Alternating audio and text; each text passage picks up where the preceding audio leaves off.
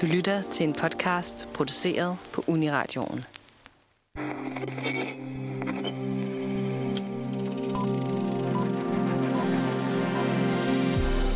Fra Sherlock til Poirot og nu Benoit Blanc. Vi bliver ved med at lave film om finurlige mesterdetektiver med sjove aksanger. Historier, hvor en yderst intelligent, men ellers almindelig mand indsættes for at løse en ofte uløselig gåde. Hvem er morderen? Hvordan gik det til? Hvad er motivet? Og er der ikke også et twist?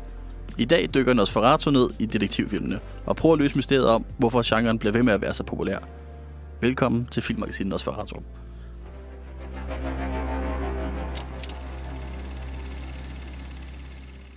Ja, men hej og velkommen til. Øh, Jeg hedder Niels Otto, og i dag så har jeg Sara og Sif med mig i studiet igen. Hej til jer. Hej.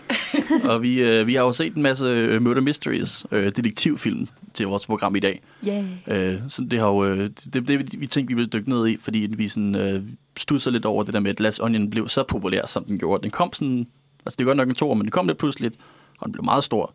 Og hvorfor er det, at vi er så glade for detektiv? Så det er det, vi skal snakke om i dag. Men før vi når så langt, så tænker jeg, at vi måske lige kan komme ind på, sådan, øh, har vi en yndlingsdetektiv hver? Fordi vi kommer til at snakke meget om populære detektiver, så det kan godt være, at man har en, man, man selv føler sig knyttet til. Så jeg tænker, jeg vil høre dig, Sara, har du en øh, yndlingsdetektiv? Ja, det har jeg. Det er en af dem, vi også kommer til at snakke om i dag. Det er Sherlock Holmes, som jeg føler, der er lavet sådan ret mange altså, film og serier om egentlig. Men øh, den, vi kommer til at snakke om i dag, er nok mest den med Robert Downey Jr. Øhm, og den, jeg så nok første gang, var den med Benedict Cumberbatch. Og jeg kan godt lide dem begge to som Sherlock, og synes bare, han som karakter... Jeg har ikke læst bøgerne faktisk, men jeg synes ham som, som karakter er bare sjov og sådan mm. skør. Har du Har set du- den øh, amerikanske version? Øh, nej. Så de lavede den der, det var, det var også lige omkring den med Benedict Cumberbatch. Jeg kan ikke huske, hvem der spiller... Jeg tror faktisk, det er en brite, der spiller ham, men det er sådan Lucy Liu, der spiller Watson. Nå, spændende. Øh, som også, den skulle være ret god, men den blev bare lidt så populær, fordi den sådan lidt faldt i øh, Benedict Cumberbatch skygge. Mm. Men det er sådan, det er rigtigt, det er sådan en karakter, som der bliver vendt tilbage til rigtig mange gange, og lavet mange forskellige tekst på. Øh, her den 1. januar, så er alle rettigheder til Sherlock simpelthen gået løs. Så nu kan Ja, man gå nu endnu mere amok. Gør, hvad man vil. Nu kan man virkelig lave hvilken som helst Sherlock, man har lyst til. Så det er jo også lidt spændende. Så jeg tror, der kommer til at gå endnu, altså, mange, mange flere Sherlock-adaptations i fremtiden. Ja. Har du en yndlingsdetektiv, Sif? Jeg ved det ikke. Altså, hvis jeg skal tage en, der er sådan lidt out of left field, så vil jeg sige uh, uh, Inspector Jacques Clouseau, som er fra uh, Pink Panther-universet. Før du Øh, udtaler også navnet. Tak. Jeg øvet mig længe. Øhm, hvilket, altså vi snakkede også, om det skal være en detektiv, for at det er et detektivmormysterie, eller det kan være en politi. Fordi at, altså, Inspektor Clouseau er jo øh, en del af politistyrken, ligesom øh, Barnaby er også noget Ja. politi, eller sådan, hvor at øh, Sherlock og Benoit Blanc og de der er, ligesom eksisterer ude for øh, sådan almindelige agenturer. Og også en forskel på netop det der med mor, mormysterier og murder mysteries er Ja. øh, ret bredt, ja. hvor at vi kommer nok til at fokusere i hvert fald i, i forhold til filmene, vi har set på detektiverne. Mm. Ja, ja Men det er at rigtigt. der også findes de der sådan, politifolk, som jo også løser altså morgåder. Det er jo det, deres job er nærmest. Ja, men jeg synes, øh, altså, i Pink Panther-universet, altså sådan, det er jo en helt anden ting end det her. Altså, den er altså virkelig fjollet. Det er jo mere en komedie, end det er en drama-serie eller sådan en thriller-ting. Øh, også mere komisk, synes jeg næsten, end de andre. Altså, det er meget sådan falder på halen komedie, sådan noget, hvor at der er mange, der prøver at dræbe Clouseau hele tiden, fordi Ja. at han øh, ligesom afslører dem gang på gang, og han ligesom ved tilfælde, uden selv at lægge mærke til det, overlever af forskellige, øh, på forskellige måder. Og han Ja. er virkelig åndssvag. Og han har den øh, åndssvage dialekt, øh, accent, men jeg synes, han gør det så godt, simpelthen. så jeg kan godt overleve Ja. det. Ja, du kommer ind på nogle ting, som vi helt klart kommer til at snakke mere om senere. Både det her med den, den sjove accent, og så det her med, at det, er sådan, at det egentlig er lidt dystert, men samtidig så er det også ikke dystert i, i formidlingen. Det er ofte sådan lidt hyggeligt, øh, hvilket er sådan en, en, en, en skæg kontrast. Mm. Ja, og så vil jeg så måske ikke så overraskende for dem, der har lyttet meget til Nosferatu, eller bare snakket med mig før. Så min yndlingsdetektiv er Batman, World's Greatest Detective, øhm, som ikke altid er en detektiv. Det var også en af de ting, jeg også lige fik snakket om, før vi gik live. Altså, Der blev kigget lidt mærkeligt på mig, da jeg nævnte det. Men han er jo, altså når han er bedst, så er han en detektiv. Der, mm. Det er det bedste er, når han skal løse mysterier for mig. Øh, og han er netop også, han har også et sjovt forhold til politiet, og alt det her, det der med, at han både er sådan lidt imod politiet, men også nogle gange sådan lidt samarbejder i hvert fald med ham Gordon der, politikommissæren. Mm. Så det er også, igen, han er, han er sådan lidt en outsider, øh, og, og sådan lidt passer ikke rigtig ind, og sådan lidt nordisk, øh, og så løser han nogle, nogle mysterier, som ingen andre kan. Ja, jeg vil også sige, den måde, som øh, Chief Gordon og Lestrade bliver portrætteret i mange Mm. af serier, er lidt den samme rolle. Ja. Sådan lidt, du ved, en politikommissær, som er sådan, åh, du ved, åh, alting er så træls, og, Ja, og sådan, du ved, jeg kan ikke løse det, og byen, den er ved at gå Og der er jo til, faktisk og- også i, øh, i den før Glass Onion, der bare hed Knives Out, der var jo også politikommissær, eller ikke, øh, det var nok ikke en kommissær, men det var ja, to ja, politifolk, ikke, der var med til sådan at, at løse den sammen med Benoit Blanc og sådan Ja, det er rigtigt. Det er sådan en, en, en klassisk stereotyp. Mm. Og så også, vil jeg også lige sige, at Robin, da han først blev introduceret, så var det også for, at Batman kunne få sin egen Watson. Så han havde en, der kunne snakke med og løse mysterierne. ja. Så der er helt klart også noget, noget Sherlock Holmes DNA i Batman der. Ja. Øh, men ja, nu er vi kommet lidt mere ind på det, så bare lige for, for at planlægge lidt, så lytterne også gør med her. Så har vi besluttet os for at snakke om tre film i dag. Øh, og det er så også dem, vi nævnte i introen her. Det er øh, Poirot, øh, der snakker vi Murder øh, on the Orient Express, den fra 1974. Der er lavet en ny en i 17 mm. med Kenneth Branagh, som ikke er den, vi snakker om. Vi vil hellere gå lidt længere tilbage og se, hvordan de lavede dem i 70'erne. Så det Også er... det faktisk er en lidt bedre film. Oh, ja. Ja. Jeg, jeg har ikke set den nye, så jeg kan vurdere det, men jeg, jeg stoler på det. For jeg, jeg var ikke selv interesseret i at se den nye heller. Øh, men det er så den, hvor at, øh, Poirot han bliver spillet af Albert Finney, tror jeg. Øh, og så bagefter så snakker vi om øh, Sherlock Holmes fra 2009. Så det er ikke den med Benedict Cumberbatch, som vi ellers også måske kunne snakke om. Det er sådan en serie, så der er rigtig meget til fat i. Men det er den med Robert Downey Jr., som er sådan en, en mere actionagtig film, som er en, lidt et, et left turn, en helt anden version af en detektivhistorie. Som det er så også, kommer vi også ind på. Og så laver vi så en lidt mere aktuel anmeldelse af Glass Onion til sidst, som jo lige er kommet ud her over julen, øh, hvor vi øh, optager og er live. Så er den rimelig aktuel her. Øh, og så det skal man også sige, at vi kommer nok til at diskutere spoilers for dem alle sammen, fordi vi, kommer, vi skal jo snakke lidt om mysteriet. Øh, men vi gør nok også klart, at vi gør klart, når vi kommer til Glass Onion, hvornår vi begynder at snakke om mysteriet. Bare fordi den er så ny, så får man også lige lov til, du ved, at, at slå fra, hvis man, ikke, hvis man gerne vil se den først. Ja, fordi de to andre har man haft rigtig tid til at Ja. sætte sig ind i. Ja, og hvis du ikke har set nogen af dem, og Så du pause. virkelig- ja, Ja, stop gå hen og se den. Så kan man også lige hurtigt indskyde det her med, at øhm, Murder on the Orient Express er tilgængelig på DRTV lige nu, øh, Mhm. og Glass Onion er en Netflix-produktion, så man kan se dem ret nemt. Sherlock Holmes, den er lidt svær at spore op, men man kan godt finde den på Blockbuster eller en af dem, hvis man gider at betale for leje. Ja.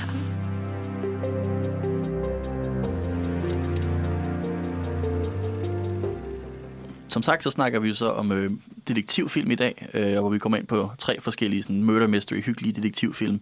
Øh, og vi starter jo øh, lidt langt tilbage øh, med, hvordan man lavede detektivfilm i 70'erne med øh, Murder on the Orient Express.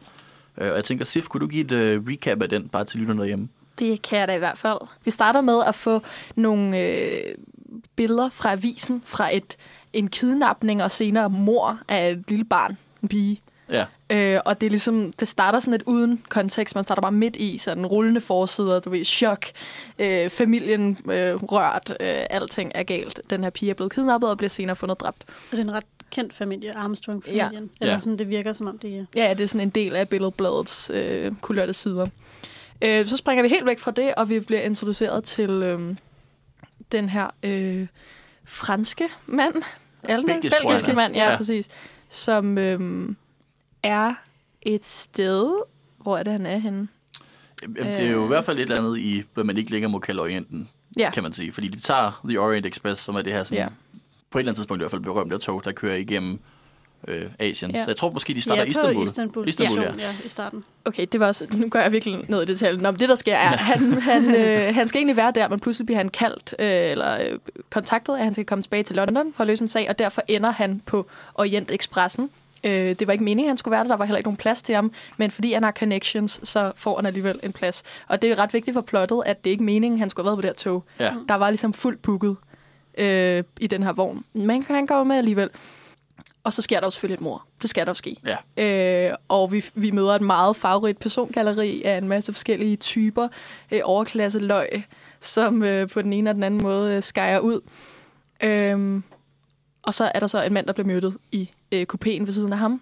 Lukket dør, hvordan, hvem gjorde det, og det skal han så finde ud af. Og så er det jo, at han skal rundt og interviewe øh, alle de her mennesker. Og samtidig så er toget blevet stoppet på grund af en snedrive midt ude i ingenting. Ja. Så det er ligesom, ja, det er lidt en klassisk sådan one room, lock room mystery, hvor at morder, eller mordet for det første foregik et, i et rum bag lukkede døre, og at der kun er de mennesker, som var, altså sådan, de Ja. ja. mennesker, der var på toget, det er dem, det kan være. Ja, og præcis. at der faktisk sådan meget conveniently dukker en masse sådan, øh, clues op. Altså sådan, Ja. der er Ja. rigtig mange ting. Der er sådan lommetørklæde, der er Ja. noget drikkelse og sådan noget, man bliver lidt suspicious. Men ja. Ja. Det er det, man i, øh, er det, hvad, hvad er det for en film, hvor de kalder det an orgy of evidence. det kan jeg ikke huske noget. Men det siger han også selv, sådan, der er rigtig mange. Ja, sådan, Ja. ja. det er lidt for meget. Der er mistænkeligt mange, mange beviser på, ja. Ja. der peger i den ene eller anden retning. Og sådan meget praktisk, så er det også noget med, uret er gået i stykker, sådan, så Ja, man kan se, præcis. hvornår mordet er Mhm, sket, og sådan, præcis. uh, og hvad er det så, det, det handler om. Og så er det så, ja, så følger man så ham her, øh, en finurlig lille prøver, som vi, vi stadig ikke ved ikke helt præcis, hvad den nu til hans navn, men vi, vi prøver os frem Prøver her. også, altså virkelig, vi prøver. Vi, vi, vi gør det vores bedste her. Kvalificeret gæt. Øh, men som, ja, som der så er den her meget, meget finurlige lille belgiske mand øh, med 3 kilo voks i håret og øh, 2 kilo voks i overskægget. Ja. Og ingen hals. Altså hovedet Ingen hals, er sat direkte Nej, på han er skuldrene. bare sådan Ja. meget anspændt i sine skuldre. Ja, han har konstant hold i ryggen. Han er, Ja. han er kraftig mioser, ja, det må man sige. Som er så bare render rundt, og sådan, øh, han, han, det var, han er jo lidt en sjov fyr, også fordi ikke bare har han den her meget kraftige, kraftige og om det er en belgisk accent, det kan jeg ikke sige, for så meget ved jeg ikke om belgisk accent. Mhm. Jeg har ikke hørt den her accent før, føler jeg. Nej. Noget, der minder om en fransk accent i hvert fald. Mm. Øh, men han er også, altså han er også sådan lidt, det er lidt røvhul. Mm. Han er bare lidt ubehagelig. Øh, og sådan lidt, lidt, han er sådan overklasse, og han er bare sådan meget, du ved, to the point, øh, og han, han ser sig selv som værende sådan ret vigtig. Det er ikke, han er ikke, han er ikke, jeg føler ikke personligt, han er sådan en voldsomt hyggelig person. Nej. Men, men, men faktisk i de sådan, sekvenser, hvor hun sidder og snakker med øhm, ham, der ejer toget, der synes jeg, sådan, han er meget øh, altså, selskabelig og sidder og snakker og har det sjovt. Og sådan. Ja, til hans rige overklasse ven, ja, præcis. Ja, men jeg synes også, der er et eller andet. Det er jo selvfølgelig måske at foregribe tingene lidt, men altså, detektiven som karakter, altså jeg ser gerne, at han er meget sådan dedikeret til sit arbejde og meget fokuseret på det, for jeg synes, der er lidt for meget snak om, at øh, forskellige kvinder på toget er lækre, og øh, at øh, hvis han havde været 10 år yngre, og sådan, det er sådan lidt, okay dude, you're s- solving a murder, mm. Måske kunne det være fedt, hvis du lige fokuserede ja. bare en gang. ja, det er rigtigt. Men, det er Men noget siger så, han ikke det, inden at der er nogen, der bliver myrdet? Ja, det kan godt være. Det tror jeg. Det, mener, han kigger ikke på Altså, er enig efter? Nej, det tror jeg ikke. Okay, det er fair nok. Jeg husker ikke kronologien af tingene. Jeg huskede bare, at det var sådan lidt mærkeligt. Fordi der, jeg kan huske, at det, jeg tror, det er i den scene, hvor alle sidder sådan og spiser i starten, og det er meget sådan hyggeligt og fredeligt. Eller sådan. Mm. Man, ser, man bliver ligesom præsenteret for folk, og, og hende der, øhm, den gamle dame, der snakker helt vildt meget, og hele tiden gerne vil sige noget, så er der nogen, der går fra bordet, fordi det er sådan, åh, vi har hovedpine. Nå ja. ja, så der er ligesom fra starten, ligesom bliver man fodret med nogle små clues til personernes, altså sådan, en, hvad hedder det? Nogle forhold relationer. imellem, Ja. ja. relationer imellem. Så sådan, for eksempel folk, der ikke burde have en connection, pludselig overhører øh, Poirot, at de siger noget til hinanden, som Ja. ja. var sådan lidt, øh, hvorfor skulle de sige det til hinanden, hvis de ikke rigtig kender hinanden? Og du ved, vi, vi mærker med det samme, der er ligesom nogen, der kender hinanden lidt for godt, og der er nogen... der er noget på spil. Og Ja. ja. helt i starten faktisk, da de er ved at gå på færgen Mm. mm. ud til um, toget der, der er der to øhm, mennesker, nu har jeg glemt deres navne, men hvor at de sådan omfavner hinanden og kysser Ja. hinanden, og så er de sådan, ej, først når det, he- det hele er overstået. Nå, og så ja. bliver han jo sådan mega suspicious, Ja, og der det kan skal man også. Det er meget ja. ja, sådan, Mm. ja. ja. Og det er så også, fordi det er sådan en rigtig uh, ledetrådsfilm, hvor publikummet lidt, mm. Mm. bliver lidt med. Altså, der er sådan, man, man får de her beviser, hvor at, altså det er jo altid sådan en u- ukomplette bevis, og det er ikke sådan et helt billede, man får. Så får han for eksempel så ham her, der er blevet myrdet, han har brændt et brev, mm. hvor I prøver så at få genskabt nogen af bogstaverne, der er på, og så kan man slet selv sidde og gætte på, hvad måske der stod, og hvad det betyder. Og, sådan. Mm. og så får man så rigtig, rigtig mange scener, hvor man følger det her sådan, datidens kæmpe store cast, og det snakker vi også lidt om før, vi, vi er i gang det her med, at øhm, vi ikke rigtig kendt nogen af dem. Eller vi, jeg, vi kender godt, altså, vi kender godt Sean Connery, men jeg kender også godt Anthony Perkins, der spillede øh, Bates i øh, Psycho. Og du ved, der er sådan nogen, som der stadig i dag er lidt store, men det er, det er sådan mm. et cast, som, og Ingrid Bergman også. Altså, der er nogle, der er nogle gode skuespillere Ja. med, men det er sådan, det er et cast, som på datidens tidspunkt havde været kæmpestort, og i dag er sådan lidt mere sådan, okay, hvem, nå, måske har jeg godt set det i min enkelt filmagtigt. Ja. Øhm, Men ja, eller bare hørt om dem. Ja, jeg har hørt om det, ja, men man får virkelig meget tid med hver eneste karakter, og det tror jeg også har været sådan en kæmpe draw, at man sådan, der er de her masse skuespillere, ret store skuespillere, som alle sammen får en mm. mærkelig karakter med nogle mærkelige træk, og så i hvert fald en scene dedikeret til, hvor man bare sådan sidder og snakker med dem. Og det er så også der, hvor publikummet så kan sidde og være med til at løse mysteriet. Sådan, okay, hvem tror jeg har gjort det? Fordi man får lov til at høre, hvordan de snakker, og, hvordan de sådan, og hvad er deres forklaringer, hvad tror jeg på deres, øh, du ved, alibi og det ene og det andet. Så det, man bliver selv ført med i det, på en eller anden Ja. forstand. Det er sjovt, der er sådan en, øhm, i, i filmen, hvor at, øhm, ham, øh, der ejer toget, han er også med til afhøringerne, og så hver gang, der har været en, et vidne inden, så er han Ja. sådan, det er ham, eller Ja, det det er ham, hende. det. Jeg er helt sikker. Og, sådan, Ja. og det kan man jo selv sidde altså derhjemme og være sådan, det, du ved, tror man på dem, tror man ikke på dem. Ja, det er jo sådan en klassisk træk, som vi, øh, som også er, som vi sagde før med Batman og Robin, at der ligesom, der bliver lidt nødt til at være en, som detektiven kan konferere med, fordi at når der skal tænkes så meget, så bliver det ligesom også nødt til at blive sagt noget højt, ellers er det en dårlig eller en kedelig film, ikke? Mm. Og det er jo mærkeligt, hvis han talte meget med sig selv. Man kan gøre Ja. ja. det til et vist punkt. Og også en, som er sådan, altså inferior in intelligence-agtig, ikke? Altså en, som skal være sådan, nej, det er derfor, ligesom, som skal tage øh, ligesom seerens ja, parti og være mm. sådan, nå ja, vi tror, det er den her, men sådan, nej, nej, der havde Ja. du ikke lige set, at han sagde kun det, fordi bare, bare, bare. Ikke? Og det spiller nemlig rigtig meget på det her med, at detektiven er intelligent, og sådan, det er meget det her træk, jeg føler, at nogle af dem har, sådan, så kan de se noget, der ikke er der, eller de kan bare lige pludselig gætte, at ham der har været der, fordi at, ja, Ja, Han er i hvert fald meget analyserende og Mm. øh, god til at holde et overblik. og så det, det er jo en, øh, en, baseret på en bog fra 1934, øh, mm. skrevet af Agatha Christie, som jo øh, har været en øh, kæmpe, kæmpe navn inden for, for krimi-detektivnoveller. Øh, har lavet, jeg tjekker bare lige her, har lavet 33 bøger med Poirot, mm-hmm. øh, og 50 Shit. short stories. Øh, og har så også lavet en anden kendt karakter, der hedder Miss Marple, tror jeg. Marple? Øh, Marple. Mark, ja, som er sådan lidt det modsatte. Hun er sådan en, en gammel øh, dame, som er lidt mere venlig, og ikke, det er ikke så overklasse store mysterier. Det er lidt mere sådan, mm. hvad der sker i den her lille by -agtigt. Men hun, altså sådan virkelig, virkelig et, et kæmpe stort navn.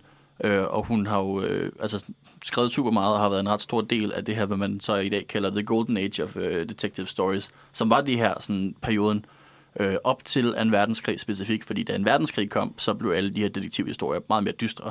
Sådan, så det, det var det her med, sådan, i, i 30'erne, så elskede man de her hyggelige øh, krimihistorier med sådan lidt finurlige karakterer. Så det, blev, det blev kæmpestort på det tidspunkt. Og, og det er jo også lidt interessant, at to af de film, vi skal snakke om i dag, er, er bog, har et bogforlæg, og Ja. den sidste har ikke. Altså sådan, hvad det gør for historien. Fordi Mm. øh, for ikke bare den her Murder on the Orient Express har jo flere øh, filmatiseringer. Øh, navnligt den her fra 74, og så den her fra 2017.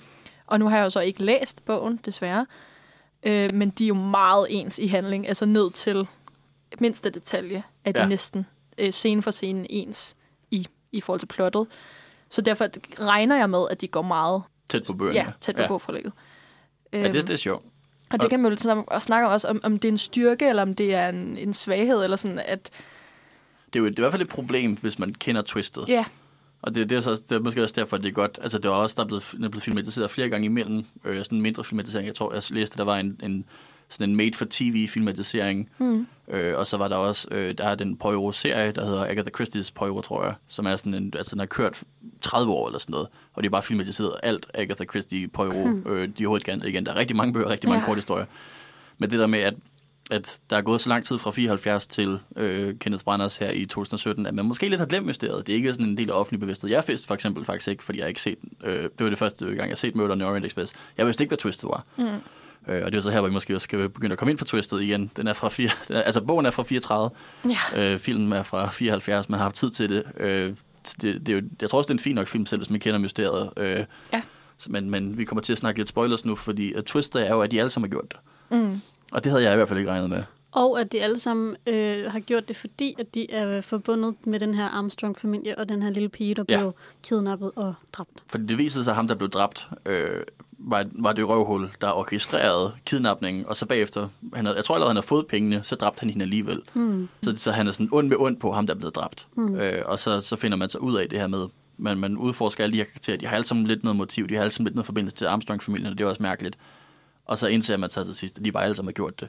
Og der er en scene, som både er sådan næsten veludført og også lidt komisk, hvor de bare kommer ind og stikker ham sådan en af gangen og Ja. siger, nu gør jeg Ja. det, bum, og så sådan, Ja. kommer næste, nu gør jeg det, bum, og så Ja. stikker de bare videre, videre, videre. Det er virkelig sjovt, også fordi, at vi ved jo, at Poirot sover lige inde ved siden af, og de siger alle sammen højt sådan, for my granddaughter. Øh, Ej, det er ikke, hvor man sådan, nå, Ja. jeg, Ja, jeg okay. tror, jeg ville have vågnet, og sådan, hvad fanden foregår der?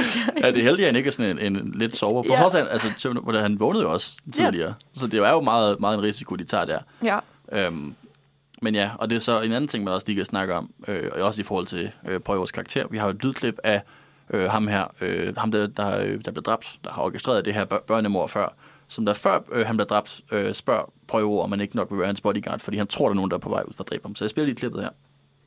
Five thousand dollars. Ten thousand? Fifteen thousand. Mr. Ratchet, I have made enough money to satisfy both my needs and my caprices.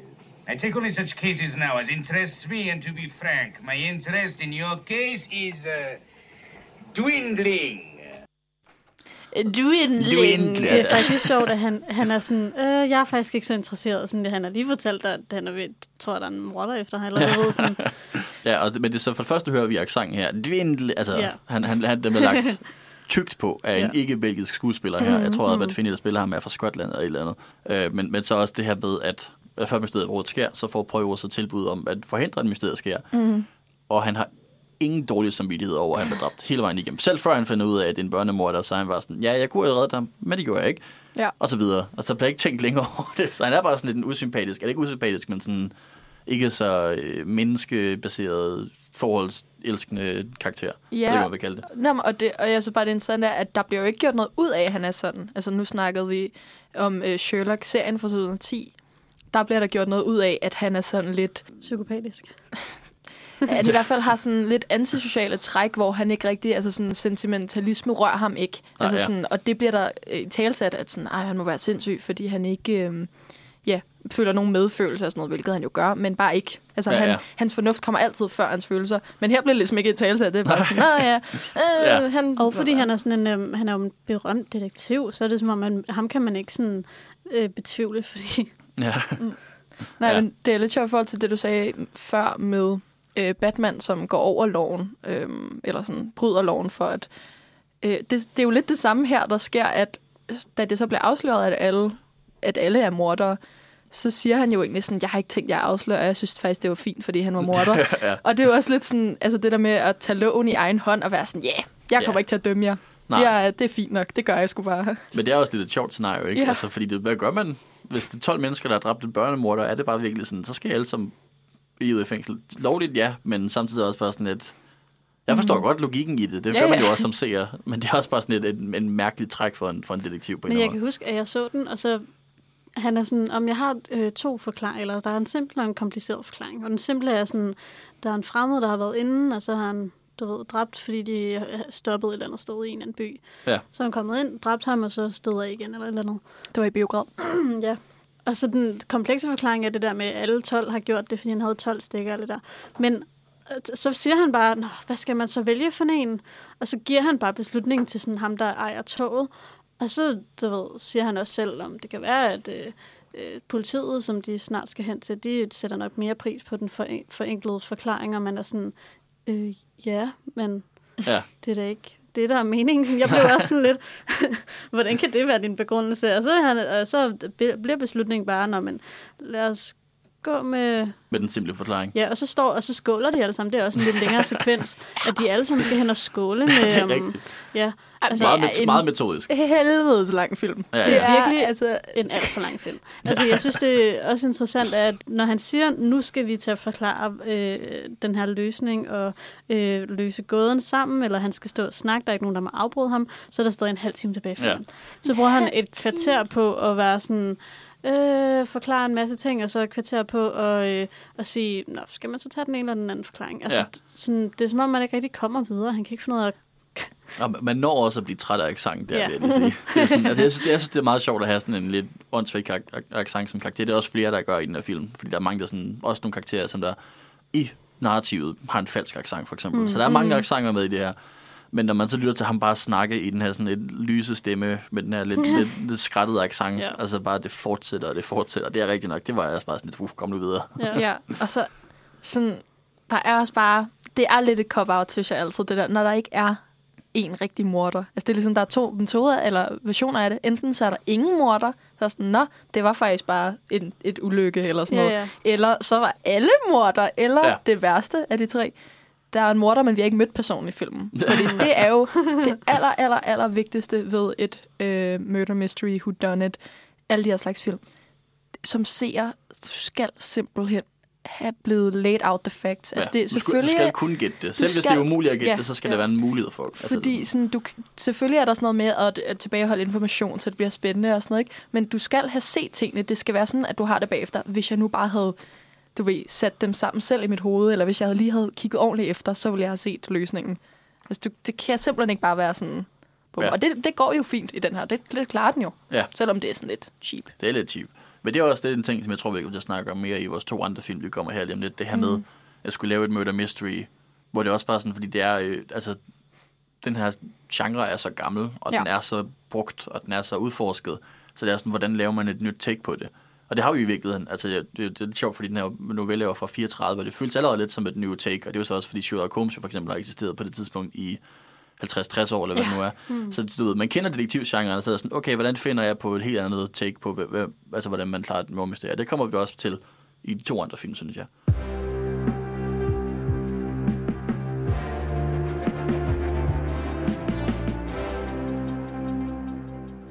Nu springer vi lidt i tiden, øh, og, og går over til en tid, som i virkeligheden også er lidt gået fra igen, øh, nemlig i nullerne, sådan start 10'erne, hvor vi snakker om Sherlock Holmes fra 2009 med Robert Downey Jr. Og jeg tænker, så har du lyst til at introducere den lige hurtigt? Ja, det vil jeg gerne. Vi øh, møder Sherlock Holmes og øh, Watson, som bliver spillet af Jude Law, i sådan en meget øh, dynamisk, kaotisk jagt i starten af filmen. Aha. Vi ved ikke rigtig, hvem de er endnu, hvis ikke man har, har en idé om, hvem der er, er hovedkaraktererne. Og så øh, kommer vi hen til øh, sådan en underlig øh, ritual, finder ud af, at det er sådan en setup. Der er nogen, der bliver anholdt. Der er sådan en fyr, der hedder Blackwood, Mm. som øh, åbenbart udøver noget sort magi. Så kommer vi, øh, får vi at vide, at, at Sherlock og Watson der arbejder sådan lidt sammen med ham her, Lestrade, som er i politiet. Og at Blackwood, jeg kan faktisk ikke huske, hvad det er, han har gjort, andet det der sort magi. Men, han har jo dræbt fem kvinder før i hvert fald. Nå ja, for pokker. Så det, var- det var sådan det der med, at han har dræbt... Det er ret meget, vil jeg sige. Ja, ja. Det er ret meget, han har gjort. Ja. Og han, er, han, skal til, han skal til at dræbe den sjette kvinde i sådan, jeg tror det er i formet af et, det er så ikke pentagram, det var så Nej, men jeg Ja. tror, at han har dræbt fire, og det skulle være den femte. Ellers måske giver det jo ikke ja. mening. Det skal i jo være et pentagram. Men det er rigtigt. Ja, det er var fordi, jeg tænkte på, at han laver over de der ritualer, fordi at han er sådan, om det er ikke, de dør ikke, de er, de, det er for en greater good-agtigt. Ja. Okay, men i hvert fald, så har han dræbt de her kvinder, og nu skal nu henrettes, og øh, Watson skal være den, der sådan bekræfter, hans, øh, at han er død. Øh, det sker, og så alligevel, så er han på fri fod, fordi at der er nogen, der har set ham et eller andet sted. ja, så, Så han, vender han øh, tilbage fra genopstår døden. for de døde, øhm, og så starter det her mysterium egentlig. Og så får vi at vide øhm, noget om sådan lidt en hemmelig organisation af mennesker, hvor han var med i, og der er nemlig det her, som jeg kalder sort magi, eller de her ritualer, hvor der er nogen, der skal ofres, og også allerede da Blackwood er i fængslet, hans sidste ønske er at se Sherlock, hvor han så siger, at der er tre mere, der vil dø. Øh, du kan ikke gøre noget for at stoppe det. Ja, så det er sådan lidt, øh, det, det, er ikke noget, der er baseret på en Sherlock-historie, jeg kender til i hvert fald. Mm. Det er sådan et meget alternative take, hvor det netop er sådan, og meget af filmen spiller på det her med sådan, er det overnaturligt? Mm. Fordi der er sådan, der er ting, man ikke rigtig kan forklare og sådan noget, og det er jo det, som, altså, hvis man allerede nu bare skal udpege, hvad forskellen er på den her andre murder mysteries, det er ikke sådan, hvordan det her mor blev gjort, det er sådan, hvordan bliver det her sådan magi gjort? Mm. Ja. Ja. Ja. ja, og hvad er formålet? Og hvad er formålet er ikke. præcis, ja. Ja, og det er heller ikke rigtig en whodunit. Det er mere sådan hav, og Ja. hvem var bagmanden? Der er jo en Mm. bagmand. Nej, bare med, ja. Ja, det går vi til. Det kommer vi også til, ja. Jeg føler også, så bliver man sådan introduceret til øh, det, det, som vi i hvert fald allerede kender. Watson og Sherlock bor jo sammen. Mrs. Mm. Hudson kommer op og serverer te en gang imellem. og så er vi et sted i deres liv, hvor at Watson åbenbart øh, skal giftes med Mary, flytte ud af Sherlocks øh, og hans øh, lejlighed. Og Sherlock er åbenbart meget imod det, for jeg tror, sådan, han er lidt ensom. Det er hans eneste ven, og nu skal han flytte ud. Og ja. så det øh, gør han meget for at ligesom sige, Mary, hun er ikke den for dig. Og, ja, det gør han godt nok. præcis. Så, Han prøver øhm, virkelig, virkelig at stoppe det her så- ægteskab fra at ske. Ja, så egentlig så har de også den mission, hvad kan man, den sag, som de arbejder på i starten af filmen, det er sådan ligesom deres sidste. Og så er det egentlig meningen, at Watson ikke skal være med mere. Og så Sherlock gør det bare alene, så, men, men han kan jo ikke lade være Watson, vel? Så han Ja. er også lidt med i, i det der med Blackwood, der, der genopstår og sådan noget. Så det er meget sjovt. Ja, så det er sådan en, øh, det, den springer sådan midt ind i Sherlock og Watsons historie. Det er mm. ikke sådan en origin story, det er ikke, mm. hvordan de mødtes, det er noget. Det er bare sådan, de kender allerede hinanden, de er alle sammen, det er lige, lige ved, altså Watson er lige ved at blive pensioneret, han er bare sådan, jeg er færdig nu. Ja. Så det er også sådan et alternative take i den forstand, at man bare sådan direkte springer til, hvad, hvad der kom senere i Sherlock-historien. Så det var mm. også lidt sjovt. Hvor man skal, hvis man skal adskille den her lidt mere fra øh, serien, der udkom i 2010 med Benedict Cumberbatch, som jo blev kæmpestor også, så foregår den her rent faktisk i datiden, sådan 1890 eller sådan noget. Ja, Og det er meget sådan, altså gotisk, gråt. Der, er- der er virkelig ikke så mange farver i det her. Der er mud over det hele. Det er også virkelig sådan, mørkt. Sådan, Ja. ja. altså, det er nærmest en film, man skal se, når det er mørkt, fordi ellers kan man ikke se så mange detaljer. ja, ja, så det, det er virkelig sådan stemningsfyldt London i 1890. Mm. det synes jeg også giver rigtig meget. Ja. Ja. Og jeg, jeg kan godt lide æstetikken i den her film. På trods af, at det også er grimt, men det er bare sådan, du ved, ja. sådan, Jeg synes desværre, det, det ser ret fake ud. Eller sådan, Ja, det gør det jeg, også. det, er Ja. sådan, det er meget tydeligt, det ikke er rigtigt. Altså, at alle baggrunden er sådan virkelig Ja, fake. superimposed Ja. ja. bagefter. Ja, det er, sådan, det er en film lavet af Guy Ritchie, som har lavet masser af andre sådan actionagtige film mm. øh, generelt. Og så jeg føler virkelig, at det her det er sådan en film, der kom du ved, efter Pirates of the Caribbean. Mm. Fordi jeg føler meget, at de gør Sherlock Holmes til en øh, Jack Sparrow-agtig karakter, og jeg føler meget, at det er sådan action og eventyr og det ene og det andet. Også, også i virkeligheden der, fordi at, øh, i Parts of filmen der har de jo altid det her sådan lidt, der er altid noget god sådan, forklaring på mytologien, der er sådan noget, uh, der er noget overnaturligt. Og det er jo også det, de gør her, hvor man sådan kommer ned i du ved, den undergrund af sådan, øh, Londons hemmelige society, som der alle sammen laver ritualer og sådan noget. Det, er sådan, det bygger en verden op på en spændende måde, som jeg også kan genkende lidt fra Parts of filmene Og det, det, det føler jeg også helt, altså det der med, at den kom i 2009, det er i virkeligheden lidt sent. Det føles som en film, der skulle have kommet i sådan 2006 måske for mig. Eller du ved, sådan lige, lige et par år før, lige, sådan, lige før 10'erne, hvor vi egentlig skiftede lidt karakter fra det her sådan... Ja, også fordi de jo kun kommer med et års mellemrum, altså øh, den her Sherlock Holmes-film og Sherlock BBC-serien, men den føles bare, altså selvfølgelig er den også sat i en, i en moderne tid, øh, hvilket selvfølgelig sætter dem langt fra hinanden, men bare hele ja, æstetikken er meget mere nutidig. Altså Mm. sådan, Ja, i, i BBC's. ja, i BBC's, den er så mere, meget mere contemporary. Den holder os stadig til i dag, selvom altså, Ja. altså Og også der den blev måde, de så agerer også lavet en, en uh, toer faktisk. Uh, den med Robert Downey Jr. er jo også Mm. uh, skyggespillet, jeg er ret sikker på, der kom Ja, ja, ja. året efter. Der er, jo- de har også annonceret en træer. Jeg ved ikke, om den kommer. Nå, Okay. okay. Men, men de har annonceret en. det er lidt sent. Men Men, det er lidt sent. ja. Men det er så, altså, fordi det er jo også, altså den her film udkom i 2009, øh, året efter Iron Man med Robert Downey Jr., så det var sådan lige der, hvor han er gået fra at være ikke rigtig en person, som man gik op i, til at være sådan, altså der var en periode her for et par år siden, hvor han sådan mest velbetalte skuespiller nogensinde. Og det var sådan lige her, hvor han stadig var i gang med opstarten, så jeg tror også, det blev et ret stort hit på grund af, at, at det var Robert Downey Jr., der var i rollen. Hvilket jeg også er også ukontroversielt, uh, u- hvilket også er kontroversielt, wow, jeg kan godt finde at tale, øhm, fordi han er amerikansk. Så, ja. så på trods af, at det er en meget normal accent, som karakteren har, så ender jeg også med at sidde og tænke over accenten, apropos vores andre detektiver, bare fordi mm. det er sådan, åh, er det, oh, og han kan næsten, han kommer, han kommer tæt på en britisk accent. Jeg synes virkelig, han gjorde det godt, faktisk. Ja. For jeg sad nemlig også og tænkte meget over det. Sådan, wow, det er virkelig weird egentlig. Ja, Ja. Men jeg synes virkelig også, han kom slap godt afsted med at få det til at lyde naturligt. Det var ja. virkelig overbevisende, ja. Ja, præcis, ja. Hvad, hvad synes I egentlig om Robert Downey Jr. som Sherlock-karakteren? Altså, er det sådan, I ser Sherlock Holmes? Altså, Sherlock Holmes er jo gået fra at være en bogkarakter, som ikke har særlig meget med den måde, vi tænker om ham nu til dags, ikke? Altså, sådan, han mm. havde slet ikke den der dyre, den der hat på Nej, ja. i, i bøgerne. Det har han jo Og- heller ikke i... Uh, Nej, det har han heller ikke, Den og- springer de over. Og sådan, de boede faktisk heller ikke så meget altså, sammen, særlig meget bøgerne. Mm. Og Moriarty, Ja, er som altså er sådan ærke, ja. og Moriarty som ærkefjende er med i sådan to bøger ud af Ja. alle, ikke? Mm. Men hvad synes I om, altså hvad siger du til? Ja, du er For jeg ved, du vil med, ja, du vil med Benedict Cumberbatch, ikke? Ja, jo. Og jeg kan faktisk også, øh, også godt lide Robert Downey Jr. som, øh, som Sherlock, men synes netop det, øh, Otto lige sagde med, med, at han kommer fra Iron Man, og det er lidt, lidt mystisk, at han skal være så muskuløs. Fucking Og, fedt, man! og, øh, altså, det lagde jeg bare mærke til, fordi der også er den her scene, eller øh, han er en del af sådan en klub, han er En fight club? Fight En Club, fight club, ja.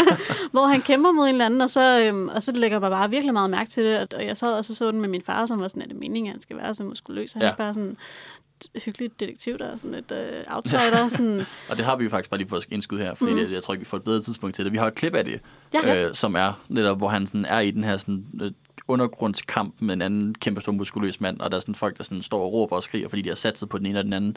Og hvor at Sherlock, det er virkelig sådan noget altså beskidt slåskamp. Det er bare sådan, du ved, de er nede i mudderet, de er nede og bider hinanden i øret og sådan noget. Hvor at Sherlock så på et tidspunkt bliver pirret lidt. Øh, ham, den anden, han spytter ham i nakken, og Sherlock så bliver sur, og så er han sådan, okay, nu, nu, nu er det personligt. Og så ser man så, jeg skal bare lige forklare det lidt, fordi ja. Ja. også er et visuelt element i det her. Så ser man det så gå over i slow motion, hvor han så, du ved, sådan, planlægger alt, hvad han gør. Sådan, så han forklarer, okay, så slår jeg her, så banker jeg her, så, så reagerer han sådan her, så gør jeg sådan her. Mm. Øh, og han virkelig sådan, man kan, det der med, at han er super intelligent. Han kan Ja. planlægge kampscenen direkte. Og man ser det hele i slow motion, og så kommer den så tilbage til virkelig tid, hvor man så ser det ske på 20 sekunder, 20, to sekunder. Bare sådan, du kan ja. ja. Den er færdig. virkelig, og så, det er virkelig smart lavet. det, det, er en meget fed måde at bruge hans intelligens i forhold til, at de gør ham til en action-karakter. Mega ja. fedt, men så synes jeg bare igen, det ville give mening, hvis han nu var mega sådan lanky og slet ikke Ja. ja. stærk, og så, men det han havde var hans intelligens. Men her er det sådan, Nå ja, og han er fucking ripped, og han er, sådan, er sygt, har noget teknik op Ja, ja, ja. ja. i hjernen, ikke? Så er det sådan, du ved, han er OP. Altså, Ja, fanden? nok, det vil ja. jeg gøre. Men jeg, skal spil, jeg vi spiller lige uh, klippet af. Ja. Break cracked ribs. Traumatize solar plexus. Dislocate jaw entirely. Heel kick to diaphragm.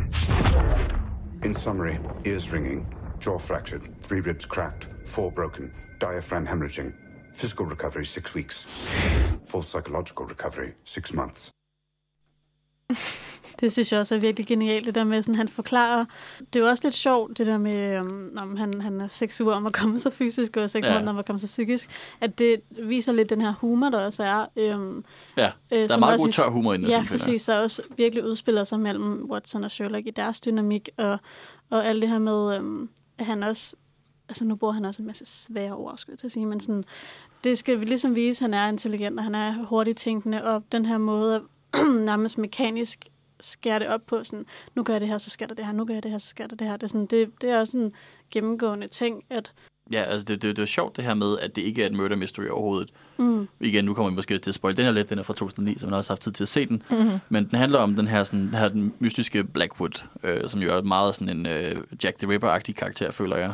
Jack the Ripper, som også dræbte en ma- altså også var sådan muligvis aristokratisk og dræbte en masse kvinder i noget rituelt, whatever, og cirka samtidig. Så jeg føler, den er meget baseret på det. Øh, og så er der det her sådan overnaturlige element med, sådan, hvordan gør han det, hvordan øh, kommer han til liv igen. Og der er en videnskabelig forklaring på det hele. Det er det, den sådan finder, befinder sig i. Og sådan lige før opfindelsen af radioen, det spiller den lidt ind i det her med sådan, du ved, okay, vi, er, vi, vi har den her teknologi, der er på vej, og det kan man godt bruge til at snyde folk, der ikke kender teknologien. Det er virkelig det, den handler om. Mm. Så han skal ikke løse et murder mystery, han skal løse, hvordan har den her person forfalsket alt det her magiske noget. mm. Ja. Øhm, og så kommer jeg med et spørgsmål til jer her, øh, og det er, jeg synes, at det her det er cozy, fordi at, jeg synes, den første film var ret cozy, og det er også lidt en ikonisk del af de her detektivhistorier, er, at det er sådan hyggeligt, det er sådan et, et ret lille mysterie, øh, og det er det jo ikke, altså det, det er overnaturligt, og, eller det prøver at være overnaturligt, og det er action, så øh, altså Sif, synes du, det her det var hyggeligt, for eksempel? Jeg tror, jeg må indrømme, jeg, tror, øh, jeg synes, den sætter sig lidt mellem to stole. Ja. Øhm, jeg synes, den var ret kedelig, faktisk. Og når jeg, øh, jeg, sådan, jeg føler allerede, at jeg glemte den, jeg så den for to dage siden. Okay. Men jeg tror okay. måske, det er fordi, at den netop sådan er lidt mellem. altså, det kunne have gået en vej, hvor at det var mere uhyggeligt, at der var de her okulte mor, og Ja. det var mere øh, blodigt, visuelt, mere sådan øh, voldsomt. Det kunne de have gjort. Eller de kunne have gået mere joviale vej, mere, flere jokes, mere af den der Robert Downey Jr.'skhed, som jeg faktisk ikke synes, han bruger så meget i den her film. Hvilket jeg var, jeg var meget positivt overrasket. Jeg troede, han ville være super fjollet.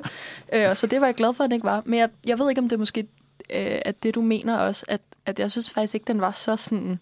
Jamen, så flamboyant, som den kunne have været igen, når vi også sammenligner øh, Robert Downey Jr. som Sherlock Holmes med øh, Pirates of the Caribbean, og sådan, at han kunne godt have været mere rancid-agtig, ikke? Og det, Ja. det var han ikke rigtig. Det tror jeg også, det er det, der gør Benedict Cumberbatch til min yndlings Sherlock, er sådan hans måde at sådan levere øh, replikkerne med på, Ja. og sådan hans ansigtsudtryk og hans virkelig sådan overdrevne øh, bevægelser. Han er nemlig sådan en høj, ranglet mand, så sådan, mm. Ja. altså det, øh, det giver bare et eller andet i forhold til Watson, øh, Martin Freeman, som er en sådan lidt lille øh, Ja. hobbit. Ja, mere beskeden. og- ja. øhm, ja, Også fordi et, et stort træk ved Sherlock fra BBC er, at han er meget narcissistisk. præcis. Og det skulle man jo tænke, at det ville ligge perfekt til Robert Downey Jr. at være et rigtig narcissistisk røvhul, som har... Øh, øh, men, men der, hvor at Benedict Cumberbatch gør det så godt, er netop ved at have den her form for antisentimentale, logiske, clean cut-agtigt. Ikke? Altså, Ja. hvor han på den ene side ikke kan skjule sin excitement over, at der er begået, begået et mor, og at han skal ud og løse det, og at han er klogere end alle de andre, men samtidig er afmålt og sådan lidt, du ved, hvorfor er det folk græder? Der er jo bare noget mor ikke? Altså sådan, og det, den kølighed laver han bare med sådan en stor overbevisning. Ja. Øh, hvor, Synes du, det er mere hyggeligt? Men jeg synes også, den er mere uhyggelig. Uhyggeligt? Jeg synes faktisk også, at, at øh, Sherlock fra BBC er ret uhyggelig nogle af episoderne. Skulle det mega nøjeren, der var der den der episode 2 eller sådan noget, hvor Moriarty har fået alle mulige mennesker Nå, til ja. at, med selvmord, altså nogle bombeveste på, hvor de ringer, og sådan der mega uhyggelig, sådan en gammel blind dame, der ringer, og Nå, sådan ja, der, jeg ja. ved ikke, hvor jeg er, og sådan noget. Okay, hvor den her var mere sådan... Ja, det er sjovt, for jeg så den her i biografen, kan jeg huske, og Mhm. jeg var ret vild med den. Så jeg har stadig sådan, og det er måske også, jeg synes, den var hyggelig, bare fordi, at der også var noget st- nostalgisk over det. Jeg Ja. vil også gerne lige øh, nævne virkelig godt soundtrack Ja. af Hans Zimmer, øh, som var sådan en grund til, at jeg på et tidspunkt købte en banjo, bare fordi... At det, det, der, Det er sjovt, der fik jeg også lidt sådan western vibes. Ja, Altså- ja, den har sådan, og det er, jeg tror også, det taler lidt til det her med, at det er sådan lidt beskidte London, at mm. det er sådan lidt noget musik, man kan forestille sig på en, på en taverne i, i London i 1890, whatever. Mm. Øh, men så jeg synes i hvert fald, den er hyggelig i den forstand. Øhm, men jeg kan også godt se, hvad du mener, at, at hvis man ikke sådan enten køber, du ved, det gotiske, eller, eller action, eller whatever det nu er, Ja. altså ender den bare med at være lidt kedelig. Jeg var, jeg var sådan ret glad for den. Øh, altså ikke sådan, at den var fantastisk, men bare sådan, jeg synes, den er, den er rar at være i, bare fordi jeg godt kan lide æstetikken. Jeg godt kan lide, jeg synes ikke, man gør nok i den her del af London, og sådan med Jack the Ripper og alt det der. Jeg synes, det er et virkelig fedt præmis at være der. Også det gotiske, også det magiske og sådan noget. Jeg ved ikke, om du, øh, hvad, du, hvad du tænker om den, så er den, er den hyggelig, er den uhyggelig, eller er den hyggelig? Den er mere hyggelig end uhyggelig. Mm. Mm. Og det er helt klart sådan, øh, på grund af karaktererne. Altså sådan, hvis ikke at der var sådan lidt, lidt stærke, tydelige hovedkarakterer af sådan Sherlock og Watson, jeg ville ønske, at, øh, ligesom i serien for, øh, BBC-serien for øh, Mary og Mrs. Hudson og sådan, øh, sådan et større rolle, det kan jeg også godt lide, men, men i filmen, at, at det ligesom bliver... Nå jo, Irene Adler har vi glemt at nævne. Hun Nej. er også ret stor spillet af Rachel McAdams. Ja, hun har ret meget med i film, ja.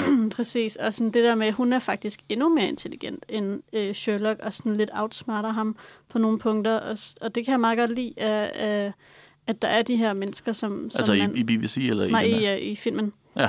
Øh, i- Eller i hvert fald, han er sådan lidt, lidt bange for hende, lidt imponeret af hende, lidt øh, sådan... Ja. Har, har også lidt det her forhold, for hun er meget sådan seksuel og øh, sensuel. Og, øh, øhm, men ja, det, det er helt klart på grund af figurerne, og, og ikke så meget selve, for jeg, som Siffer sagde, at øh, den er sådan lidt nem at glemme. altså, Ja. ja. også det der, der skulle forklare, hvad den handler om, sådan, hvad er det nu lige ham der skurken gør? og sådan, ham har jeg fuldstændig glemt. Eller også fordi, at, at sjovt, at der er den der skurk, som, som det hele egentlig handler om, men, men han er ikke så vigtig, som man egentlig husker. Nej, Hverken hvad han hedder, eller hvad han kan. nej, ja. Blackwood. Ja. Ja. Ja. Men det er så måske også fordi, at, at der er jo et mysterie i, hvordan han har gjort de her ting, men det bliver aldrig sådan, altså den centrale del i Murder on the Orient Express er, hvem har dræbt mm. ham, den her person. Den centrale del i den her film, altså i Sherlock 2009, er jo action. Det er, lad os komme videre, lad os, okay, hvem skal vi slås med nu, hvordan skal vi komme, altså du ved, sådan, det er ikke, der er det her mysterie, som ligger, præmisset ligger rigtig godt i undergrunden, men det er ikke sådan, altså Sherlocks karakter er ikke fixeret på at finde ud af, hvordan han har gjort det her. Det er ikke sådan det, der driver narrativet. Hvor det mere er bare sådan, du ved, en, en, en ja, en Pirates of Caribbean-agtig sådan nuller, midt-nuller actionfilm, føler jeg. Mm. Ja, og der for eksempel i Sherlock BBC, der, der, er han, der er det, de går også meget mere efter bøgerne, ikke? Altså Ja. sådan med, med twist, hvilket jeg synes er mega fedt og, og imponerende fundet på. Også, jeg ved godt, det er ikke den, vi skal snakke om, men den er jo pissegod, og vi har alle sammen set det. Noget af det er pissegodt. Ja, ja, ja. Det er ikke, Der, der, er lige, der er lige en De sidste første sæson. tre sæsoner, ja. de første tre det er lidt ligesom godt. øh, med Game of Thrones. Ja, Ja, ja. ja. Sidste sæson er ikke så Alle. nice. Ja. serier nogensinde. Ej, men at jeg havde aldrig forestillet mig, at man kunne lave sådan en moderne adaptation af sådan noget Victorian Age stemning, og jeg synes bare, at de rammer den virkelig godt. Og jeg synes, det der tekst på skærmen, som der er meget af, ikke? Som Ja. for eksempel, når de skriver, og når, når han tænker noget, jeg synes, det kan være så kitschet og cringe. Men jeg synes faktisk virkelig, at det er godt. Sådan, Det det, fungerer det tilføjer noget vildt godt til universet, synes jeg. Mm. Ja, og det er så måske også i forhold til det her, vi snakkede med, at der er lidt af en Watson-agtig karakter i øh, Murder on the Orient Express. Mm. Jeg synes ikke, Watson han er særlig meget med i mysteriet. Der er ikke så tit, at han sådan, du ved, Sherlock i 2009 her, han sidder og snakker til Watson og siger sådan, jeg tror det er det her, eller du ved sådan, mm. ah Watson, tager du fejl. Det, det bliver ikke brugt den, den klassiske dynamik, mm. øh, hvor at, og, og, vi snakker rigtig meget om, vi skal bare snakke om scenen fra 2010. Ja. Men, eller bare sådan, måske sammenlignet mere direkte, men det kommer vi så til ved du der. øh, men i for eksempel her, når du nævner det her med, at i, i øh, serien fra 2010, så er der meget visuelt. Det er jo også nærmest en Watson. At Ja. der er sådan en, du ved, okay, hvad tænker han? Hvad for nogle detaljer lægger han mærke til? Det får man at vide på skærmen, sådan, så han ikke bare skal forklare det hele, men også bare sådan ser hans, hans perspektiv. Og det er nemlig også et ret godt greb. Ja. Hvor altså, jeg, jeg tror også, hvis, hvis øh, den fra 2009 skulle være bedre for mig, så skulle der være mere fokus på mysteriet, og mere fokus på, hvordan løser vi det her? Hvad, hvad kunne forklaringen være? Hvad kunne det ene og det andet? Og så, du ved, sådan, Og Watson, der lidt, spekulerer, og så, og så Sherlock, der siger nej, fordi det er sådan, det er. Og så kan man sådan lidt, du ved, så kan vi bygge ud fra det. Det er der ikke så meget af i, i filmen her. men også altså hele øh, baggrundshistorien, bare det, man ikke har det med i filmen, synes jeg også øh, øh, gør sådan lidt, at man ikke, man ved ikke rigtigt, jeg ved ikke noget om, om Sherlock eller Watson inden, hvis ikke jeg havde set øh, BBC-serien først. Så, så det, ville, det ville have været fedt, hvis man havde startet lidt sådan om, hvordan mødte de hinanden, hvad var for eksempel deres første sag sammen, eller Ja. sådan en første mission og sådan. Øh, lært lidt om det her lidt umage makkerpar, fordi lige nu er vi bare etableret, at de er et umage makkerpar, og nu skal han giftes, og så skal, er de ikke, du ved, øhm, sammen mere på den måde, men ja. Og det er jo selvfølgelig også noget man, noget, man kan, når, når alle kender universet, ikke? når det er universelt kendt. Ja. Altså sådan, Mm. hvad Sherlock Holmes handler om. Og det er Men- jo også forskellen på film og serie egentlig jo. Altså, Ja. ja. man kan jo bare meget mere, når det er en, en serie, især fordi, at øh, godt nok er der kun, jeg mener fire afsnit, men alle afsnit er halvanden time lang Ja, i, øh, er- i serien. Er sådan en god måde at lave serie på. Altså, Ja. ja. fuck, I appreciate det er meget that. britisk. Det gør vi ikke så meget i andre steder Nej, i verden. Men det er det der med sådan- er sådan tre-fire episoder, der alle sammen bare er sådan feature length, men ikke er ja. kæmpe store. Nu snakker vi rigtig meget om fra 2010. Skal vi lige prøve at afrunde Men det- øh, ja, fra men- 2009? men Det er så lad os fordi, den er at- pissekedelig i Ja. 2009. Og jeg tror også, at vi burde egentlig, eller ikke, har også snakket om Sherlock som detektiv, sådan lidt ligesom at vi snakkede om, sådan, hvordan fungerer han i det her univers. At Han er bare ligesom øh, Pierrot, øh, Poirot, øh, meget sådan intelligent og lidt arrogant, og i serien narcissistisk, og, og øh, man har den her sådan følgesvend, som han kan snakke med og løse mysterier, og Ja. de Men- er egentlig meget ens, selvom de er meget forskellige. Ja, men den største forskel er jo netop, at i 2009, det er jo en actionfilm. Mm. Det er ikke en detektivfilm, det er det jo også. Men du ved, han er sådan, det er en actionfilm, hvor at han, han kan sætte tiden ind i slow motion, og så beslutte, hvordan han sparker røv. Ja. Ja. Altså, ved, det handler om, hvordan han, han også du ved, skal, skal stoppe eksplosioner, og, og det ene og det andet. Der er nogle ret fede set pieces i den her, føler jeg. Hvor man også, altså jeg går igen, hvis man ser den i biografen, det var en god oplevelse, fordi der er ret mange tidspunkter, hvor der sker et eller andet sådan stort, og ved, der er masser af CGI med i den her, hvilket også er sådan et, en del af den her, du nævnte tidligere, Sif, den her kunstige æstetik. Der er lidt sådan, man kan godt se, at det ikke øh, er sets, de har bygget. Ja. Men jeg synes også, det fungerer bare, fordi det er sådan holistisk. Det er ikke sådan, du ved, nogle gange, når noget er CGI, det kommer pludselig og føles mærkeligt, så er det sådan, øh, men når det er sådan, når det hele har den her meget grundige æstetik, som godt nok er lidt falsk, men stadigvæk er sådan veldyrket, og det så også passer ind i det, der sker, netop med action også er sådan ekstremt. Altså igen, jeg nævner hele tiden Pirates of the Caribbean, men Pirates of the Caribbean har også de her kæmpe store set pieces, som er sådan lidt Mm. masser af CGI. Det er ikke sådan, det fungerer fysik i virkeligheden. Der er på et tidspunkt i den her film, hvor Watson kommer til at, at træde på en Ja. ja. line eller et eller andet, der sker en eksplosion lige ved siden af ham, og han er sådan stort set uberørt, og man ser ham sådan falde ind i ilden, og alle de her sådan fragments, of, altså alle mulige sådan dele af væggen, der bare flyver rundt, og sådan, der er ikke en eneste, der lige rammer ham i panden eller et eller andet. Altså, du ved, sådan, Ja, det er ikke sådan, fysik fungerer, ja. men det er spændende at se på. Det er sådan en, en overdrevet verden af action. Synes Mm. også, det giver god mening at bruge CGI for eksempel til sådan en kæmpe stor eksplosion der, eller sådan. Men det var, jeg blev også så sur på den scene, fordi altså rejser, altså, hvad hedder det, Rachel McAdams, hun ligger Ja. ned med sådan, som man skal gøre, hvis der er en eksplosion, så skal du ligge ned og beskytte dit hoved. Og så går han hen til en og sådan, kom, let's run, og sådan noget, hvor sådan, nej, det er vildt lidt farligt, så du kan gøre. Det er det dummeste. Også fordi eksplosionerne kommer sådan bam, bam, bam, bam hen ad Ja, ja. vejen. Ej, jeg blev så irriteret. Ja, og så synes jeg bare, øhm, at kampsekvenserne er bare vildt dårlige. Jeg vil ønske, Okay. at når man nu godt havde... Øh, altså, det er bare klippet til smadre. Altså, Ja. sådan, der er ikke et movement, som man ser til ende. Den klipper så hårdt, især den første. Altså, jeg var sådan, at, wow, wow, wow, hvad, Ja. ja. hvem er de her mennesker? Hvad skete der lige her? Jeg Det er vil rigtigt, gerne- men jeg troede egentlig, det var med vilje, fordi det er sådan lidt, nå okay, shit, nu skal vi bare alle sammen være sådan lidt forvirret over, hvad der sker, og sådan det Ja. ja. velkommen ind til kaos. Det er også lidt generelt øh, Guy Ritchies stil, ham der lavet film her. Mm. Som også, altså jeg kan huske, øh, at der toeren, jeg føler, jeg både lidt mere klassisk mysterie. Øh, øh, den toeren er den her med Robert Downey Jr., hvor at det er Sherlock mod Moriarty. Og det er sådan lidt baseret på Reichenbach-faldet, altså historien, historie. Lidt mere tættere på, på mindre overnaturligt, mere tættere på, hvad historien var. Men hvor også, altså den, den ligger så op af Første Verdenskrig for eksempel, så der er rigtig meget sådan artilleri og det ene og det andet. Altså der, er sådan, der, der, der, der er sådan, ligger op til, nu kommer der krig i Europa. Det er jo nemlig det, der er interessant ved, at vi har valgt ja. den her fra 2009 i forhold Den til. Murder on, ja, on the Orient Express. Det her, at Ja. du sagde, at, at den cozy, sådan, nej, ikke så meget i stilen jo i forhold til, men det kan den godt være. Ja, og jeg synes, den er hyggelig. Mm. Og jeg ved ikke, hvor meget det er nostalgi, eller hvor meget det er, at jeg sådan godt kan lide den her æstetik. Mm. Øh, altså det var sådan en, et- for eksempel i True Crime og sådan noget, at det der er brutalt, det der er mørkt, det der er dystert, kan være hyggeligt. Og jeg synes, det er hyggeligt at være i sådan en, en, en klam London-verden, hvor jorden er dækket lort, og der er sådan, og du ved, de putter heroin i alt, øh, alt maden, whatever. Altså, du ved, det er sådan, der er et eller andet ved den verden, som jeg bare synes er, er fed. Og Det er på trods, eller ikke på trods af, men, Men på grund af den. Altså, altså- ja, hyggelig, ja. Nå, synes, men det jeg forstår det godt, det er en verden fuld af eventyr, og hvor Ja. der ikke rigtig er nogen konsekvenser. Altså, fordi der er jo Ah, aldrig noget, ja. der er alvorligt. Ligesom du sagde lige før, de bliver ramt af en kæmpe eksplosion, der Ja, ja. sker ikke noget. Så jeg er enig, jeg ved godt, der er fem kvinder, der dør, men altså, herregud, Nå, ja. det, er der jo, det er der jo hele Ah, tiden. fem, ja, ja, ja. præcis. Det er Næsten der jo også i dag. Næsten øhm, men men jeg, jeg er da enig i, at det er Pirates of the Caribbean. Det er sådan den der stemning, eventyret venter. Ja. Øh, lige så snart du går ud på gaden, så kan der ske noget. Øhm, så jeg forstår godt, hvad du mener, og den er jo bestemt ikke uhyggelig. Og, Nej. Det har jeg faktisk også skrevet mine noter, undskyld. Øh, bare det der med, sådan, de er hele tiden i fare, de er hele tiden under angreb eller sådan Ja. livstruende fare.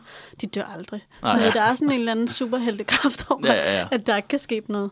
Øh, men også, altså du ved, der er også for eksempel mig, jeg synes også, gyserfilm er hyggelige. Mm. Ikke uhyggelige, men hyggelige. Jeg synes, det er rart at se en gyserfilm. Jeg, ved ikke, jeg kan ikke forklare det, men der er et eller andet ved sådan at ligge under dynen og se noget, der er ubehageligt. Men ubehageligt på den rigtige måde, hvor jeg også synes netop, at, at verden er ubehagelig. At verden er sådan fulde mænd, der bare går og råber og skriger, og alt er bare dækket af lort. Der er et eller andet ved det, som bare er sådan, den verden er hyggelig for mig. Interessant. Ja. Og jeg kan ikke forklare, hvorfor. Jeg vil sige, for eksempel en gyserfilm, der er sat i vores tid, eller sådan, er Ja. mere uhyggelig, fordi man tænker, du ved, det kunne være ude for min dør. Altså det her, det er sådan, ja, ja, det, Ja. Der, det, det kunne jo ikke være her-agtigt. Ja, helt klart. Øh, ligesom true crime er jo derfor folk, gætter jeg på, ser det. Det er jo den ultimative konsekvens af det, jeg lige har sagt. Det er jo, et eller andet, det er jo derfor folk er sådan lidt...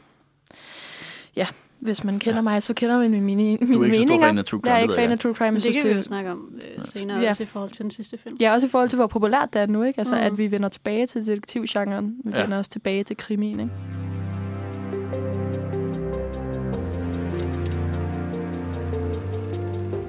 Nu skal vi videre til en øh, meget mere aktuel film. Øh, som, vi, som vi er her i studiet, så er den jo super aktuel. Den er lige kommet ud for to uger siden måske. Øh, og det er Glass Onion af Ryan Johnson. Øh, Johnson. Johnson, som er en fortsættelse af Knives Out, der udkom i 17, tror jeg. Er det ikke Poulsen? Nej, 19. 17, 19, 19, 19, 2019. ja. Øh, men ja, som, og det var så... Øh, Knives Out var et overraskende hit. Der startede så sådan en kæmpe stor bidding war, hvor i der var flere streaming-giganter, der var sådan, nu skal vi have lov til at, at lave flere Knives Out-film. Mm. Og det var så Netflix, der vandt den og betalte voldsomt mange penge for at få lavet til, jeg tror, lavet tre øh, altså af de her film med den nye detektiv Benoit Blanc, spillet af Daniel Craig, øh, hvor i Glass, Glass Onion så er den første. Det er så også, den er også blevet et kæmpe hit, kan man sige. Øh, så der er nok mange, der har set den, men vi skal stadig lige starte med at sige, hvis man ikke har set den, vi kommer på et eller andet tidspunkt til at diskutere nogle spoilers, fordi den er svær at diskutere uden. Så det er sådan, hvis man gerne vil se den spoilerfri, så kan det være, at man skal pause nu. Jeg kan i hvert fald gerne anbefale den. Øh, men nu starter jeg med at give et kort recap her.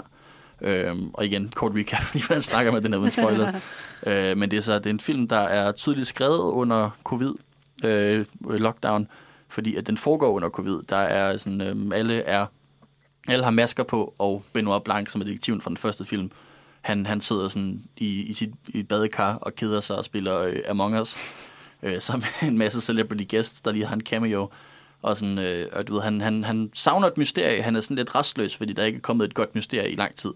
Øh, og så lige pludselig så kommer der sådan her invitation, hvor i at øh, den her mystiske, øh, sådan lidt ekscentriske tech-gigant, øh, Miles Brown, tror jeg han hedder, har inviteret en masse af sine venner ud til, til sin private ø, hvor han så vil lave det her murder mystery game.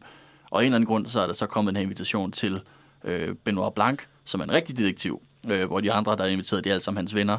Øh, og det er sådan lidt planlagt, du ved, for fun. Nu, nu hygger vi os lidt med at lave et mysterie. På trods af det lockdown, så laver vi et eller andet sjovt. Og så er det så også lidt mysterie i virkeligheden i, hvordan, hvem der er, det har, gjort, har inviteret Benoit Blanc, og hvorfor. Fordi der er, sådan, der er ikke nogen tydelig grund til, at han skal være der, men der er sket et eller andet mystisk. Og så kommer vi så til den her ø og bliver introduceret til det her store karakterikgalleri af sådan influencers og politikere og sådan alle mulige sådan lidt ubehagelige typer af, af, af folk, man er træt af at høre om i mediebilledet i dag. Mm. Øhm, og så, så opsætter Miles Brown det her sådan lille mysterie, øh, hvor han siger, at uh, nu skal jeg prøve at gætte, hvem der er, der dræber mig. Altså det er sådan et opsat mysterie, så ikke dræber mig rigtigt, men sådan, hvad der sker her. Og det løser Benoit Blanc på 20 sekunder, og så starter film rigtigt. Så der er sådan en ret lang introsekvens, hvor det er sådan, hvad sker der nu? Og så lige pludselig, så du ved, sætter den, med matromysteriet op, smider den det ud, og så starter filmen rigtig op på mysteriet. Og det er så her, hvor det er sådan, hvordan skal man forklare den derfra? Men jeg tænker i hvert fald, at vi må måske ikke tage et stemningsbillede på, hvad I synes om den også. Så ved jeg ikke, om kunne starte med dig, Sif. Du er også nogenlunde fan af den. Ja, øhm, jeg var ikke særlig vild med den første. Jeg tror faktisk, jeg har set Knives Out to gange. Og jeg synes bare, ja, det sagde mig bare ikke rigtig noget, må jeg indrømme. Men da den her film kom, så vidste jeg, det vil jeg gerne se. Og jeg synes, at den er meget bedre, personligt. Mm. Det, vi ved ikke, om det er en populær eller upopulær holdning, men jeg synes, øh, jeg kan bedre lide plottet. Jeg synes, det var sjovere, mere øh, udfordrende. Jeg kan godt lide, hvor ekscentrisk den er, og hvor flamboyant den er i sit øh, look.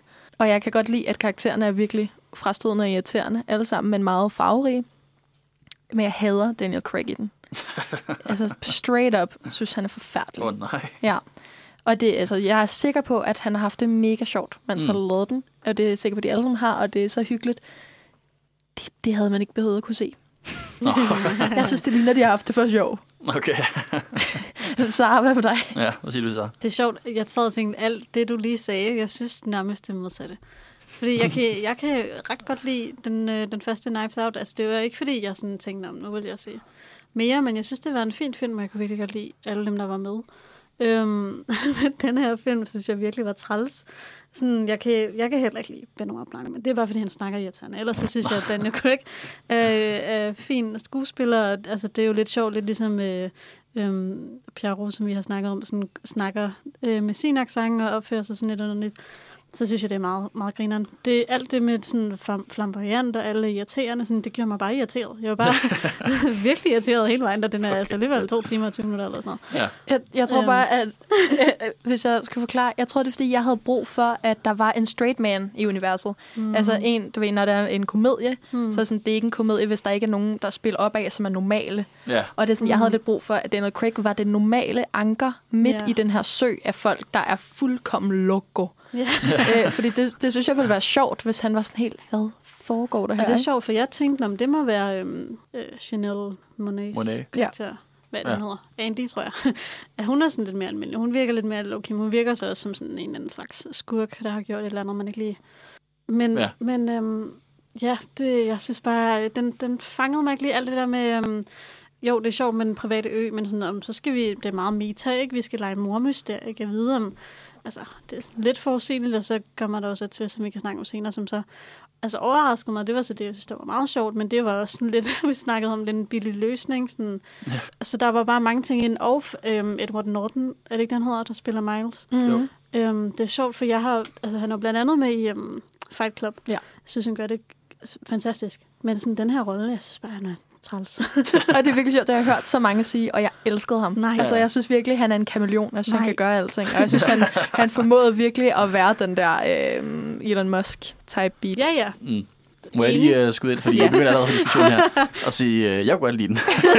Der er ikke nogen, der gider høre, hvad du Jeg kan godt, jeg kan godt lide den her. Jeg kan godt lide Knives Out. Jeg kan godt lide Benoit Blanc spillet af Daniel Craig. Jeg kan godt lide hans dumme accent. Uh, han, han taler med en, med en sydstats accent, hvilket jeg Ja. synes er et meget sjovt take på netop det med sådan, den klassiske detektiv er uh, Poirot, som der kommer øh, du ved, fra Belgien og har den der typisk belgiske accent. Jeg meget godt lide, synes jeg giver meget god mening at give ham en sydstats accent som sådan en moderne amerikansk version af det. Øh, og jeg synes bare, at den også, altså jeg forstår også godt, at det var røvirriterende, fordi der var så mange irriterende typer med. Men samtidig så, altså, jeg, jeg, jeg tror, det var sådan det perfekte tidspunkt at udgive den i. Lige der sådan over julen. Ja. Fordi det var der, man har brug for at slappe lidt af. Og det her, det var sådan en, en turn off your brain movie for mig. Altså, jeg, jeg, sådan, jeg, jeg tænkte ikke, altså, jeg, jeg prøvede lidt at deltage i mysteriet, men det var ikke sådan, jeg var voldsomt investeret i det. Jeg så den bare og hyggede mig, apropos, at man hygger sig, og grinte hele vejen igennem. Altså, jeg, jeg synes regelmæssigt, den var sjov, øh, og, og det er sådan lige min humor på mange punkter, også nogle punkter ikke lige min humor, men du ved, der er for eksempel altså, en fantastisk scene, hvor at Benoit Blanc han prøver at ryge ude i en, øh, i, ude, ude i, en, i en have, og der så går sådan en kæmpe stor alarm med sådan rygefri zone, rygefri zone, og han så går helt i panik, og det hele går mok, og sådan, du må ikke kaste noget i vandet, han kaster cigaretten i vandet. Og du ved, der er, sådan, der er flere gange, hvor jeg bare sådan, altså og grinte på en måde, jeg sjældent gør i film, bare fordi jeg simpelthen, jeg tror virkelig, der er brug for at se den her også, som den her sådan lidt hyggelige, simple, ikke simple, den er lidt kompliceret, men sådan hyggeligt, simpel at se mysteriefilm. Så jeg perfekt tidspunkt at udgive den i. Men- Og nu må jeg godt genoptage diskussionen. Jeg skulle bare lige have min pointe. Mm. Ja, men jeg er helt enig. Jeg synes virkelig også, at den er hyggelig, og at den er nemlig... Altså sådan, den er jo forholdsvis straightforward. Altså sådan, du bliver, altså der er noget, hvor du sådan, wow, det havde jeg ikke lige regnet med. Ja. Ja. Men sådan, det bliver du taget i hånden med. Øh, og jeg synes nemlig, at, ja, den er sjov og sådan let og mild. Og jeg synes, for eksempel, hvor Murder on the Orient Express var forvirrende, fordi jeg kunne ikke kende forskel på nogle af menneskerne, der var med i den. Fordi at alle var sådan ældre hvide mænd. Ja. Øh, og sådan, jeg kunne ikke huske nogen af deres navne, og jeg blev bare sådan der, åh, ja ja, men I er jo alle sammen bare, det er fint nok. Men her var der sådan, alle karaktererne er virkelig arketyper og meget forskellige, så det er, sådan, det er meget nemt at finde rundt i, hvem der er hvad, Ja. og hvorfor. Og sådan, det synes jeg var, var en god idé. Ja, At ja lave det er dem klart. så udtalte. Men, men jeg havde så bare problem med, at det blev så karikeret. Sådan, ham, YouTuberen, skulle virkelig være YouTuber-agtig, og hans sådan lidt, øh, altså hans blondine-kæreste der, skulle være virkelig typisk stereotyp blondine, der var meget seksuel, og sådan, Ja. var ham også utro og sådan noget, gad ham egentlig ikke. Men ja, Men twistet var jo, at det var hun ikke.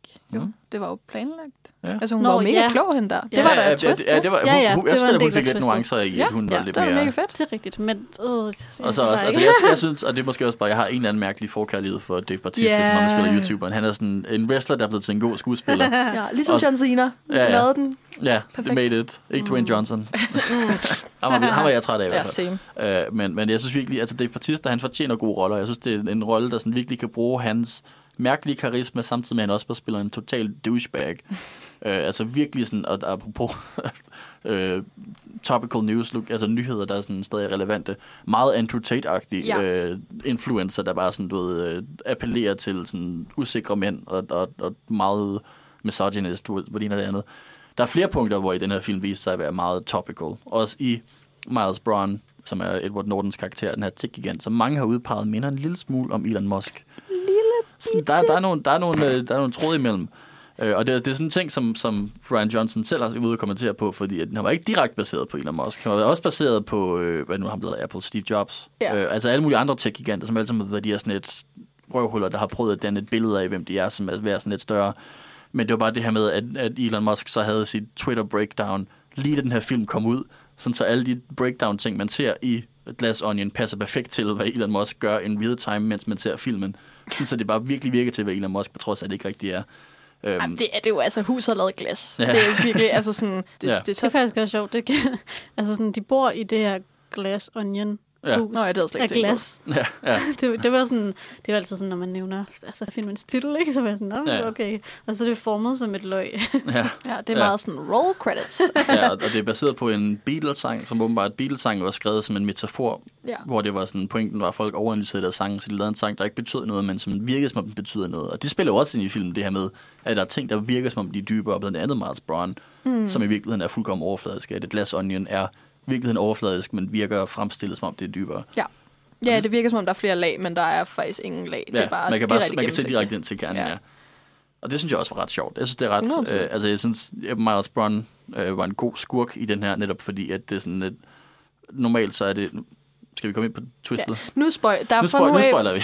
Nu er det spoiler. det, det er svært ikke at gøre. Ja. Fordi at, at i hvert fald, det er et af twisten i hvert fald. Der, der, der er mange sådan lag af det her. Øh, men apropos onions. Øh, Onions have layers. lag, Løg har flere lag. præcis. Shout-out øh, Shrek. Charlotte Shrek. Jeg hørte ikke min Shrek impression Ja, der. ja, ja, ja, det var en Tak. god skotsk accent. Layers.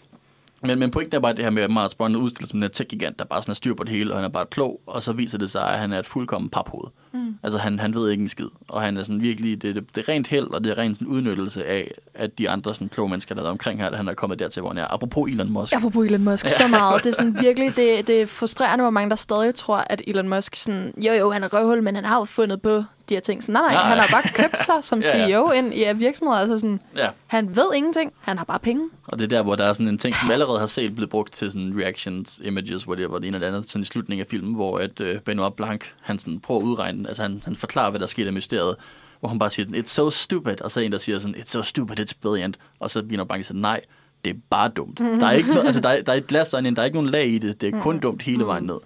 Og det er så også, synes, det er ret sjovt at have lavet murder mystery, hvor twistet er, at der ikke var et ordentligt twist, fordi at ham, der har lavet twistet, var dum.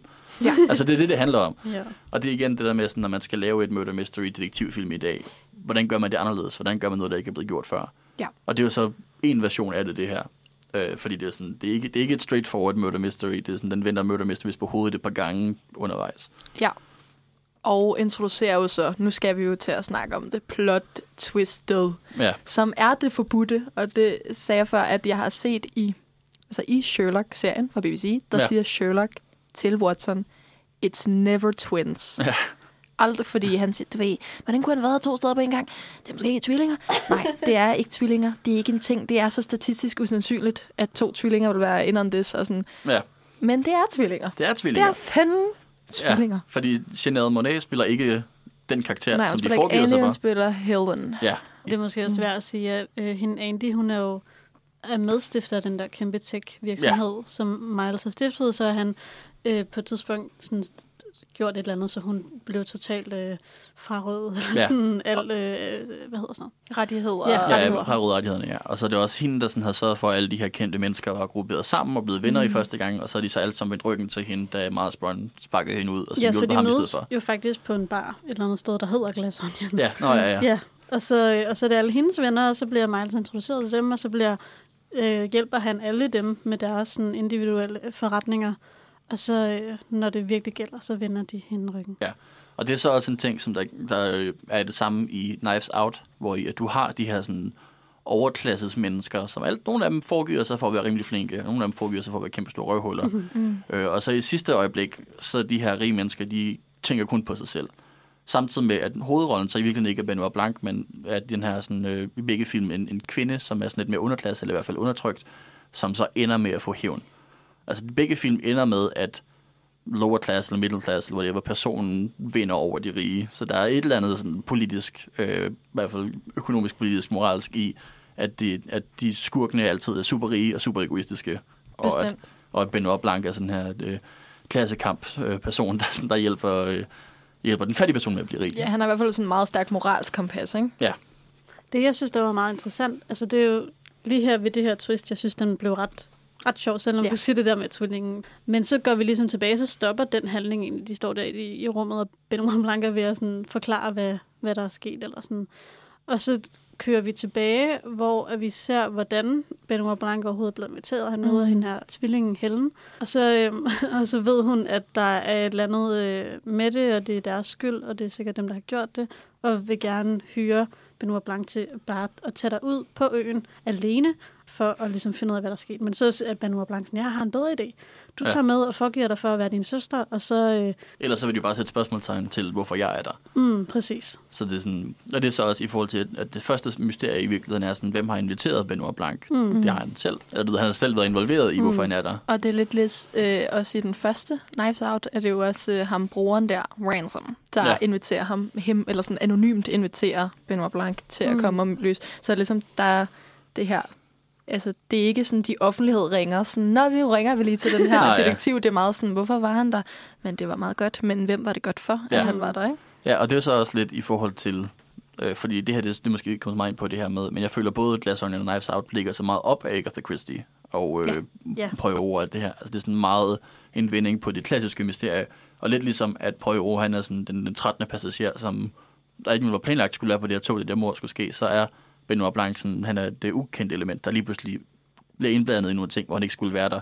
Altså for eksempel på den her ø, hvor det ikke var meningen, at han skulle være der overhovedet. Mm. Så det føler jeg også lidt af et throwback til det her med sådan, han var der tilfældigvis. Godt nok, så omvender de dem med sådan, hvorfor han blev inviteret, men stadigvæk sådan, at det, det ikke, han er sådan det ukendte element, der kommer og løser mysteriet. Ja, det er lidt ligesom uh, Scooby-Doo der, når de uh, trækker uh, maskerne af skurkene, og så er de sådan, åh, det ville være lykkedes, hvis ikke for Ja, ja, ja, jer ja. pokker små Ja, ja, unger. Ja, ja, det, er sådan, det ville have lykkedes, hvis ikke Benoit Fordi jeg havde lagt planen øh, vandtæt, men den var ikke Benoit tæt. Nej, ja.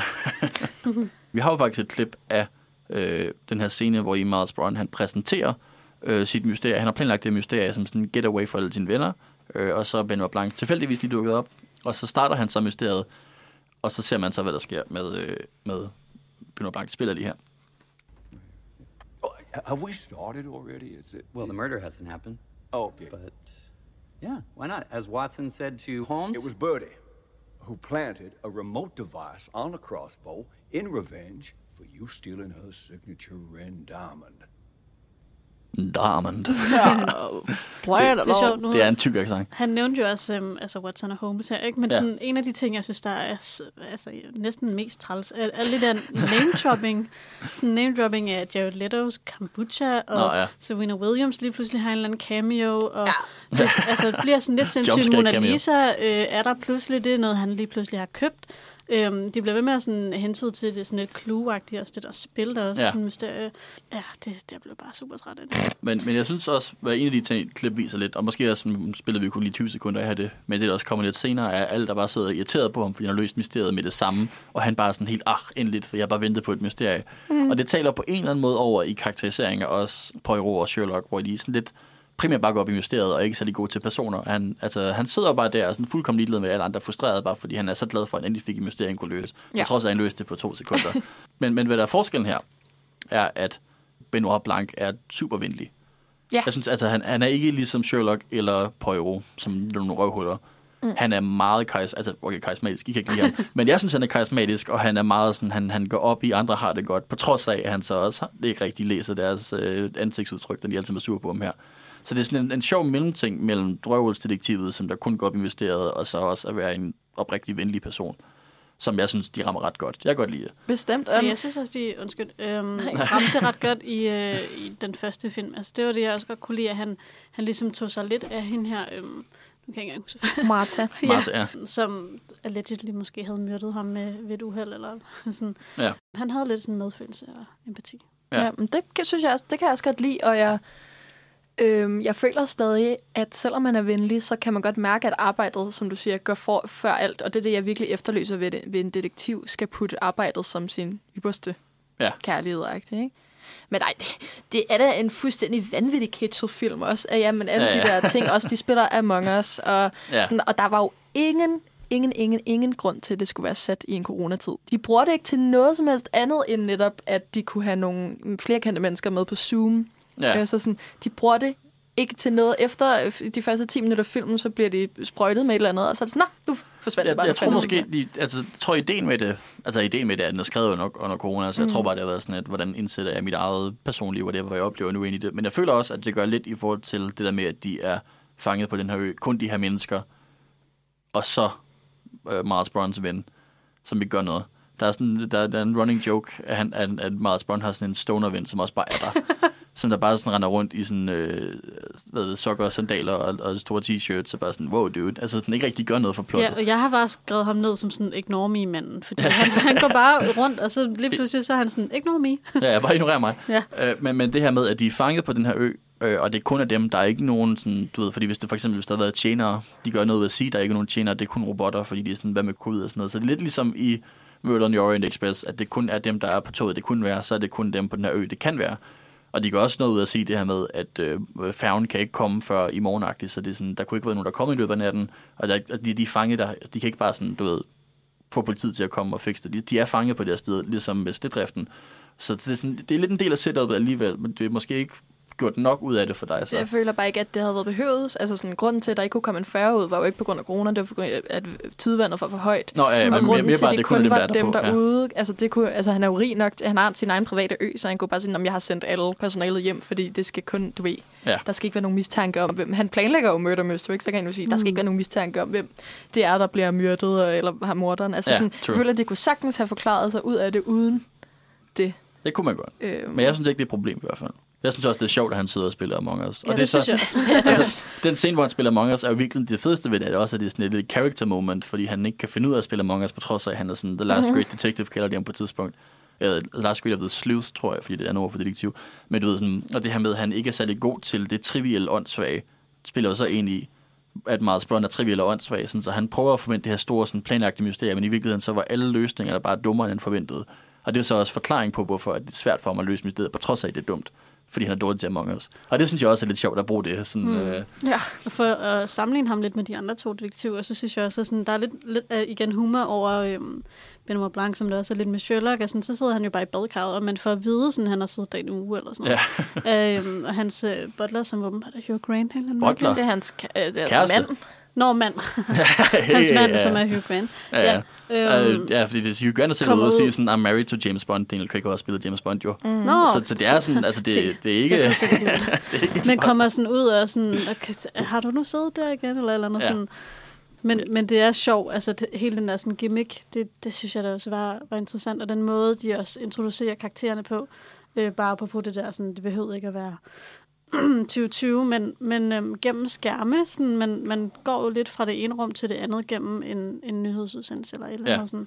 Det synes jeg egentlig var meget smart. Ja, ja, det er rigtigt. Jeg, jeg synes også, altså, man kunne sagtens have lavet den her film uden covid, men det fungerer også en lille smule.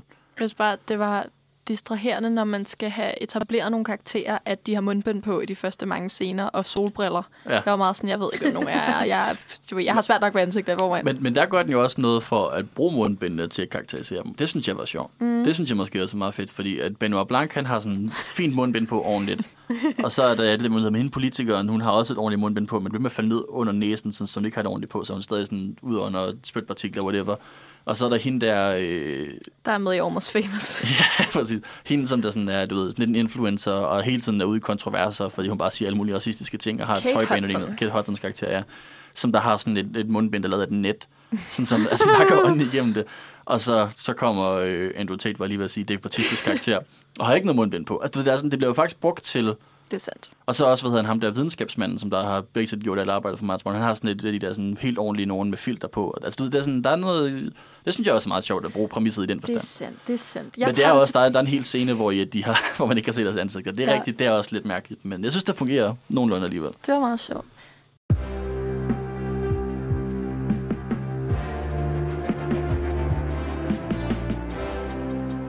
Vi startede jo ud med at introducere et spørgsmål, som er, eller et mysterie i virkeligheden, om hvorfor er det, vi er så glade for detektivfilm, hvorfor er det, vi vender tilbage til dem. Og vi har jo i virkeligheden, altså de film, vi snakker om, er fra 74 til nu, men de bøger, som vi har refereret til, er jo fra 1887 til nu. Altså det er sådan en, en Ja. gammel, gammel genre. Og endda før det, ikke? Fordi man siger jo, at murder mystery-genren er startet med Edgar Allan Poe, og han skrev Murders in the Rue Morgue i 1841. Ja, Så sådan, det er jo faktisk en vanvittig gammel genre. det, ja, det er virkelig noget, som man, man holder fast i på en eller anden Ja. måde. Og det er jo så, altså, øh, nu har vi jo et mere moderne, tre moderne eksempler på det, øh, quote unquote. Man kan sige, at 70'erne moderne, men du ved, stadigvæk sådan tættere på, end, end, end 1800-tallet er.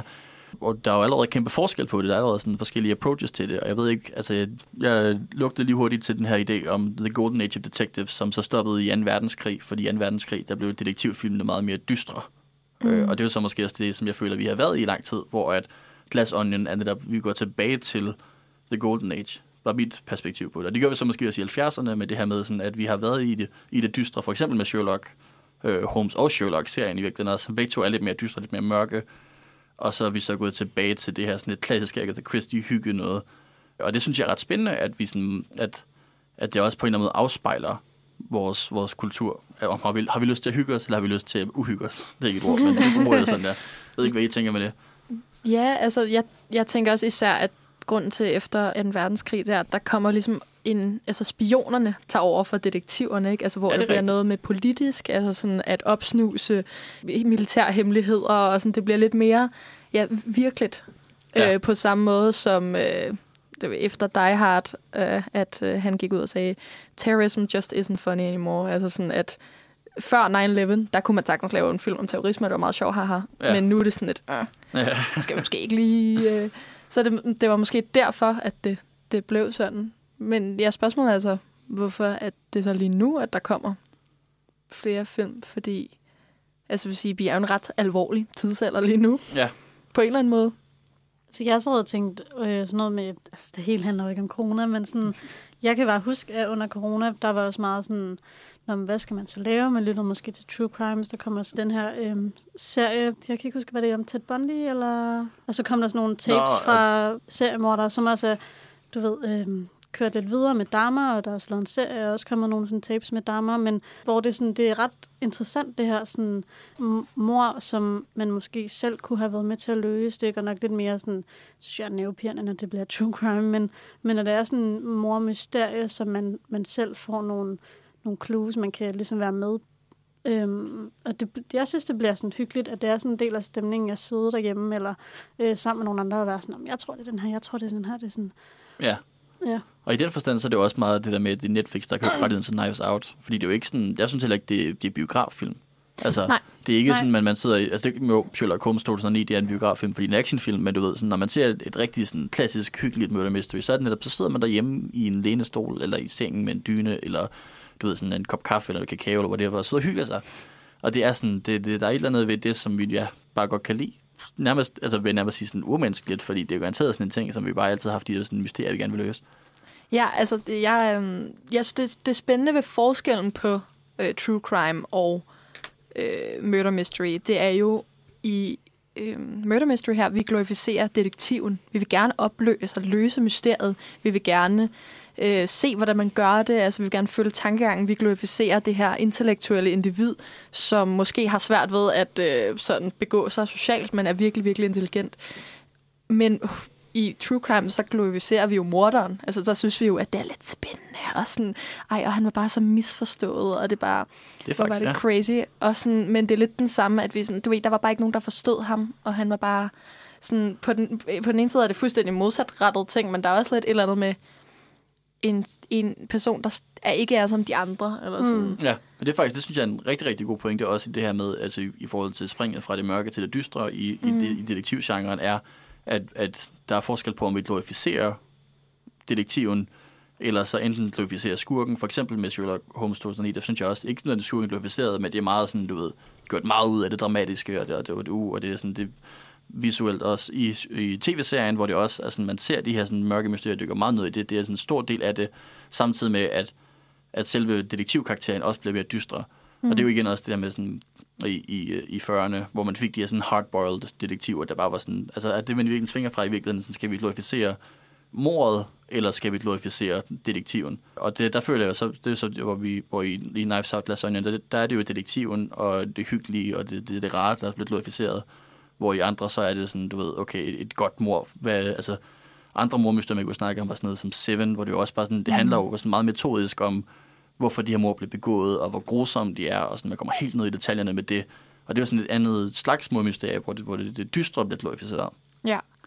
Ja, og som jeg synes også ligger sig måske mere op af noget, som også altså for 20 for 10-20 år siden var meget oppe, altså sådan noget med Nordic Noir, sådan broen, øh, forbrydelsen, nogle af de her ting, ja. hvor det er ligesom den her øh, tit også politibetjent, men som er, øh, du ved, haunted of his past-agtig, ikke? Han er sådan lidt slidt på tilværelsen, øh, konen og børnene er gået fra ham, du ved, Eller døde. Ja, eller døde, præcis. Det er sådan lidt tragisk. Øh, og hvor at vi sådan, han er jo ikke en særlig sympatisk karakter, og han er heller ikke sådan overintelligent, men alligevel, der er man sådan, vil gerne se det ske. Altså sådan, ja. det er lidt også en formørkelse af det univers også, ikke? At sådan, det er ikke den her brillante mesterdetektiv, der går med sin øh, sjov stok og hat, og sådan, det er en eller anden stakkels... Øh, Det er så, Ja, jeg, er også, øh, ja. Ja. jeg synes, det er ret interessant ved de nye sådan, øhm, sådan mere detektivfilmer, der netop er en detektiv, der ligesom er hovedkarakter eller sådan udgangspunktet, men der er også et kæmpe sådan ensemble cast, der sådan bærer filmen. Ja. Ja. Og alle har ligesom sådan sin egen altså, rolle, og det er selvfølgelig sådan lidt, øhm, alle er mistænkte, men, men de har også sådan hver især sin, som øh, Sif sagde, i Glass Onion var det meget med sådan, både det tøj, de går i, og den måde, de, de agerer på, at, at de er hver deres personer. Det synes jeg gør meget, at man, man har alle, og det er også typisk sådan ret, Ja. ja. kendte skuespillere, eller er i hvert fald i, i um, Ryan Johnsons øh, film der. Og det var det jo også i øh, 74 møderne i Orient Express. Der var Ja. det jo også Nå, ja, ja, datidens ja, kendte skuespillere. Det var ikke så altså, kendte for os måske, men det, sådan, og det var også, og der kan man også udpege det der med, at de også, har vi nævnt et par gange, ikke så god, men de remakede den i 17, det vil sige et par år før Knives Out, hvor det også var et kæmpe cast. Altså, det er jo Mm. sådan, alle superhelte skuespillere lige pludselig bare bliver klemt ned i og skal spille sådan en, en karakter lige pludselig, og ikke bare en superhelt. Mm. Og så, du ved, så, så hænger man ud med dem, og det er også, altså er, igen, jeg, nu vurderer jeg den kun for trailer, fordi jeg har ikke set den, men Mm. æstetisk føler jeg også, at den er meget detaljeret. Altså, den, Mm. den, den går op i, at det skal være stilistisk. Det er ikke bare sådan en detektiv, der render rundt i sådan en, en plettet skjorte. Altså, det er sådan, de, de render rundt i flotte kjoler, og det ene og det andet, og jakkesæt, og det er sådan, stilistisk er det også det der med sådan fremstille kendte skuespillere, som man egentlig godt kan lide. Det er så ikke altid lykkedes med Mhm. øh, de der Kenneth Branagh-film. Der er med været nogle uheldige castings i dem.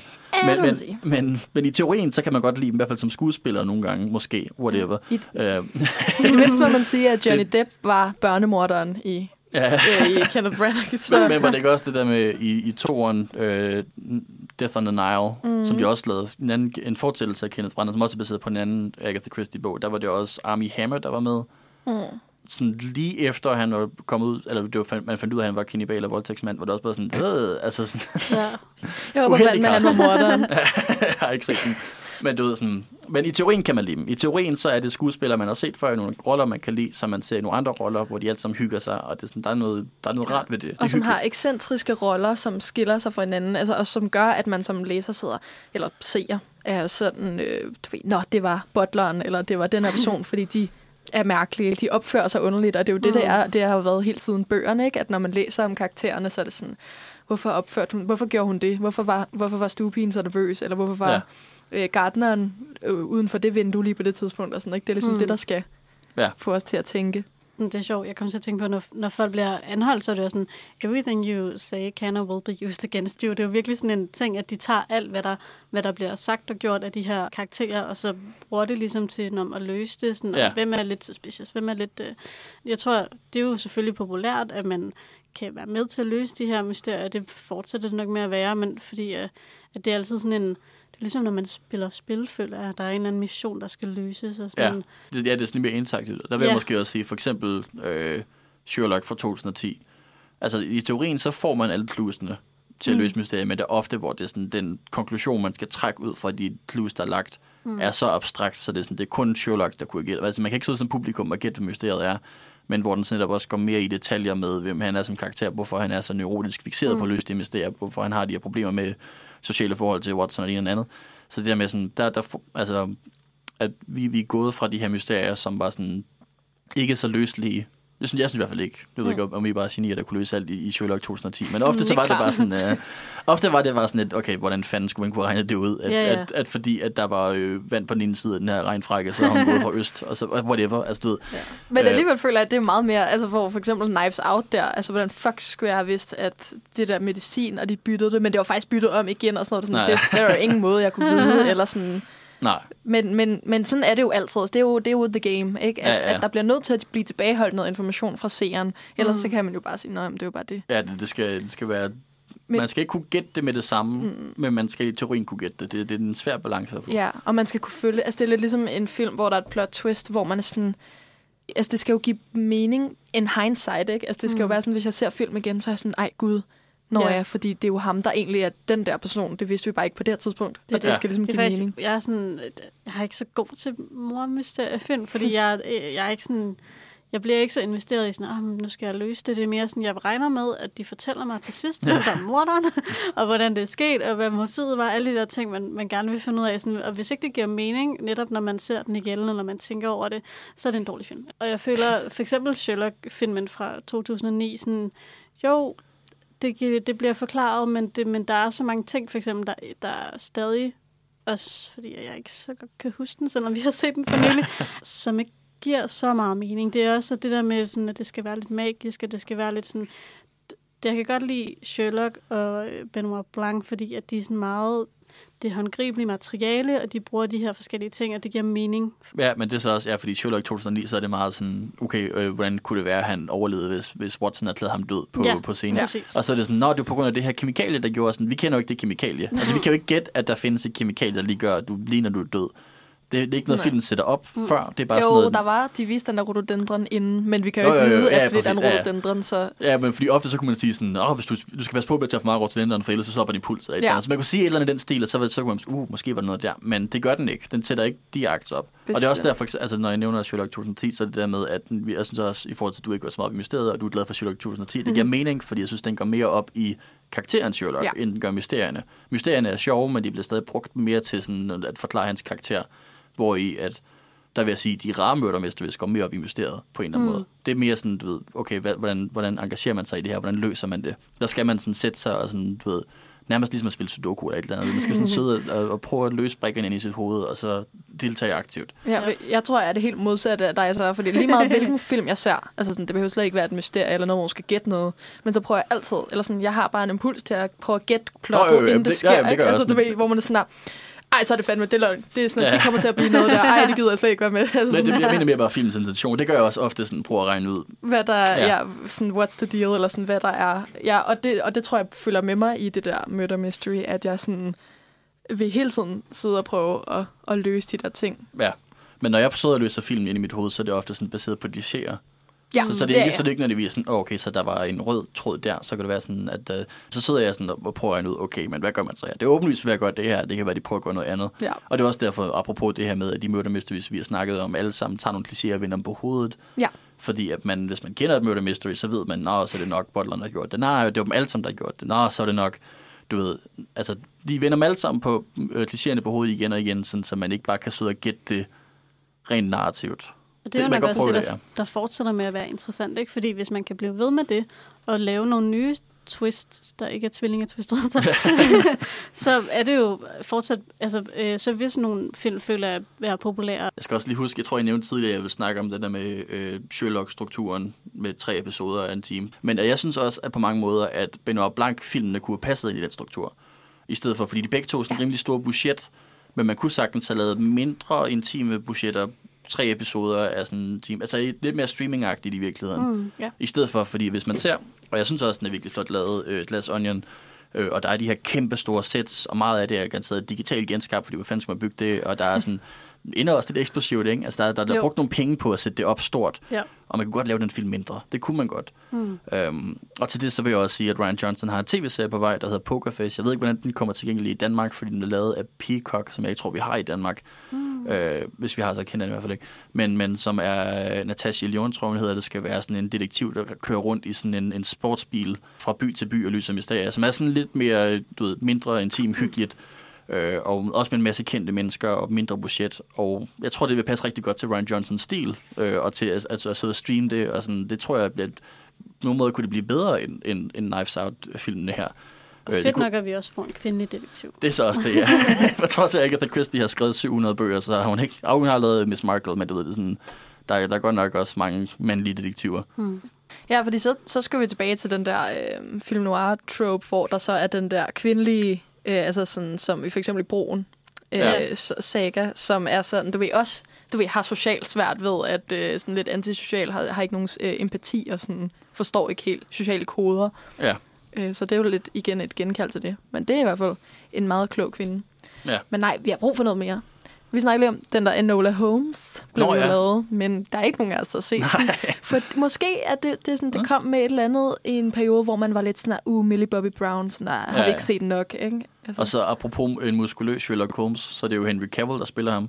Ja, det er rigtigt. jo, jo, what? Yeah. Jeg, jeg har ikke set filmen heller, men Og jeg har bare set det- billeder af ham, og han er, jo, han er jo et brød, ikke? Altså, han er jo lige så bred, som han er høj, så det er bare sådan lidt sjovt at se ham i jakkesæt, fordi han ligner jo skurken. Altså, Ja, og så er det um, Sam eller noget, der spiller Minecraft, ikke også? Claflin. Ja, præcis. ja. Men jeg var i hvert fald bare sådan lidt, "Nå, hvorfor skal vi høre om Sherlock Holmes' lille søster? For altså, især hvis man har set serien, for, altså, der startede i 2010, så har han jo en, en søster der, som er en del ældre. ja. Men det var så også det twist, som man kunne lide. Ja. Det var sådan lidt det, der ødelagde sæson 4 for mange. ja. Men, men jeg tror, altså... Hvis vi lige hurtigt skal bare skal, skal give en forklaring på, hvorfor at vi er glade for detektiv, prøv at svare på spørgsmål om mysteriet er. Og det, det, er jo sådan, det er også svært at sige netop, fordi at jeg føler, at det ændrer sig så meget. Detektivnet og karakter har vi jo også diskuteret rigtig meget fra, fra generation til generation. Men der er bare et eller andet fedt ved den her sådan lidt... De er jo alle sammen, de er alle sammen lidt asociale, de er alle sammen lidt mærkelige, de er alle sammen sådan lidt... De passer ikke ind, de har sammen nogle sjove aksanger, øh, og så til de er alle sammen super kloge. Og der er et eller andet, sådan, hvor man, hvor man, i hvert fald nogle typer, måske gerne vil identificere sig med det, det der med, sådan, hvis man føler sig udenfor, men er klog, så er det også, det, det er rart at være, det kan være rart at være outsider, men bedre end de andre. Ja. altså, der er et eller andet ved det, som der sådan passer til, for, hvis man har lidt storhedsvandvid inde i, det har vi jo alle sammen, så, så kan det jo app- appellere til en sans der. En lille smule gudkompleks. Et lille smule kompleks. Og så også det her med, at, at mysterier enten kan være uhy- uhyggelige eller hyggelige, men i hvert fald sådan, at der er altid et eller andet rart ved at få at blive investeret i et plot, som er virker så uoverskueligt at løse, så mm. man så langsomt får ledetrådene, sådan, så man føler, at man selv er med i det, og man selv er sådan aktivt deltagende i det, og så kommer der så en, der forklarer det hele plottet, sådan, så du, at, du misforstod det hele, men du, du Ja. måske tæt på alligevel. Det er sådan, det er sådan, de gør ofte i hvert fald. Men Det er sådan hele konceptet af, at, at der er altså de her mysterier, der er en person, som skal, skal løse dem, og så kan man ligesom sådan hjælpe ham derhjemmefra. Eller sådan. Og så i den sådan efterfølgende, eller ligesom med, med Glass Onion, det er jo egentlig sådan den samme hovedperson, men så med et andet mysterie. Så man kan hele tiden sådan bygge videre på, på historien. Der kommer, kan hele tiden være et nyt mormysterie, der har et eller andet. Ja, og en ny detektiv, der har en ny, et eller andet mærkeligt ved charisma. ham. Ny accent. Og så er det også, at altså nu at den her genre er jo skabt i bogform, men den passer bare helt utroligt godt til filmmediet, fordi det er jo sådan, film fungerer. Altså Ja. sådan, film fungerer ved, at du får en masse puslespilsbrikker, brikker, og så undervejs, så bliver de sat, i hvert fald en god film, ikke? Ja. Nu bliver de sat sammen. Altså lige meget om det er, fordi du skal løse et mysterie, eller det er bare sådan, altså det er jo ligesom det, en film går ud på. Ja. Øh, og du kan vise en masse ting visuelt, måske have det i, i frame, men ikke engang behøver at talesætte det, og så senere vil man jo så kunne sige, at det var der jo. Du, Ja, ja. du lagde bare ikke mærke til det. Ikke? Altså, det er jo det, han siger, are you listening closely? Ikke? Altså, Ja. sådan, det er sådan lidt magiagtigt, ikke? Altså. Det er det klassiske sådan, Chekhovs gun, det her med, hvis du sætter noget op Ja. i den første akt, så skal du også udføre det i den tredje akt. Og det er jo altid tilfredsstillende, hvis man sådan, hvis der er et eller andet, man sådan, kan regne ud, måske sker i den første akt, så sker det rent faktisk i den tredje akt, eller er sket i, mm-hmm. i fortiden. Og det, er jo- ja, det er jo så det, den form for, at det er satisfying, at det er tilfredsstillende, er jo det, som de appellerer til. Sådan nogle Ja, der skal være et eller andet payoff af, Ja. ja. hvis man har et, et setup, ikke? Jo. Ja, hvilket i hvert fald den første og den sidste af de film, vi snakker om i dag, gjorde. Mm. Det gjorde Sherlock 2009 måske ikke så meget. Nej. Der var ikke så meget sådan setup payoff, det var mere bare sådan payoff. Men Der var lidt, fordi jeg jeg så den med min roomie, så forklarer han, du ved, men sådan gjorde du det, og sådan gjorde du det. I tredje akt måske, Ja. fortæller han. Og så gik de videre, så skete der noget nyt, og så både mig og min roomie på samme tid sådan, men hvordan gjorde han, hvordan snød han, at han hang sig? Fordi det forklarede han ikke. Og vi var sådan, du ved, jeg kan ikke bare ikke forklare det, altså vi var ved at rejse os op fra sæderne, og så gik der jo 10 minutter, og så Ja, ja, forklarede så de forklarede det. de, ja. ja. og så sådan, okay, okay. Ja, ja. Men det var ikke sådan, der var et setup til, altså i starten af Nej. filmen, hvordan han hang sig, og så Nej. forstod man det. Det var bare, lavede det ikke. mysterie, og så blev det senere forklaret. Præcis. Hvor det så igen hvis der er sgu en forskel på de mørke og de lyse, så er der, tror jeg, i lyse detektivfilm er der mere fokus på, at man selv kan løse det. Mm. Men ikke altid. Nogle gange. Nej, også fordi jeg kan jo godt også sådan sige, at hvis jeg skulle snyde nogen og hænge mig, så ville jeg også have sådan en sele på, så ja. Der bare var en krog. Ja, det er også det, de gør i film, jo. Ja, præcis, det er det. Men sådan, ja, ja, det kunne jeg godt have sagt mig selv. Jeg tænkte bare, måske der var et eller andet Ja, ja. spændende. Magic Ja. foot, men øh, far nok. Det var en tvilling. Ja, præcis. det, var, det, var, det var den anden Blackwood. Ja. Øh, men jeg tror, øh, vi bliver nødt til at runde af nu. Ja. Vi kunne godt snakke videre, tror jeg, men øh, der er ikke mere tid. Så jeg vil gerne sige øh, tak til jer begge to, Sara og Sif. Det var rigtig hyggeligt i studiet. Yeah. Selv tak. Jeg hedder Nils Otto. Øh, vi er Filmmagasinet Nosferatu. Øh, vi laver radio hver torsdag 15-17. Vi laver også skriftlige anmeldelser ind på nosferradio.dk, øh, hvor man så kan læse blandt andet øh, Sifs nye anmeldelse af Kold vinter. Kold Vinter, ja, som lige er kommet ud. Og hvis man lytter til lidt senere, så er den kommet ud for et stykke tid siden, men man kan godt søge efter den. Øh, og det er så cirka det. Ja. Tak for i dag.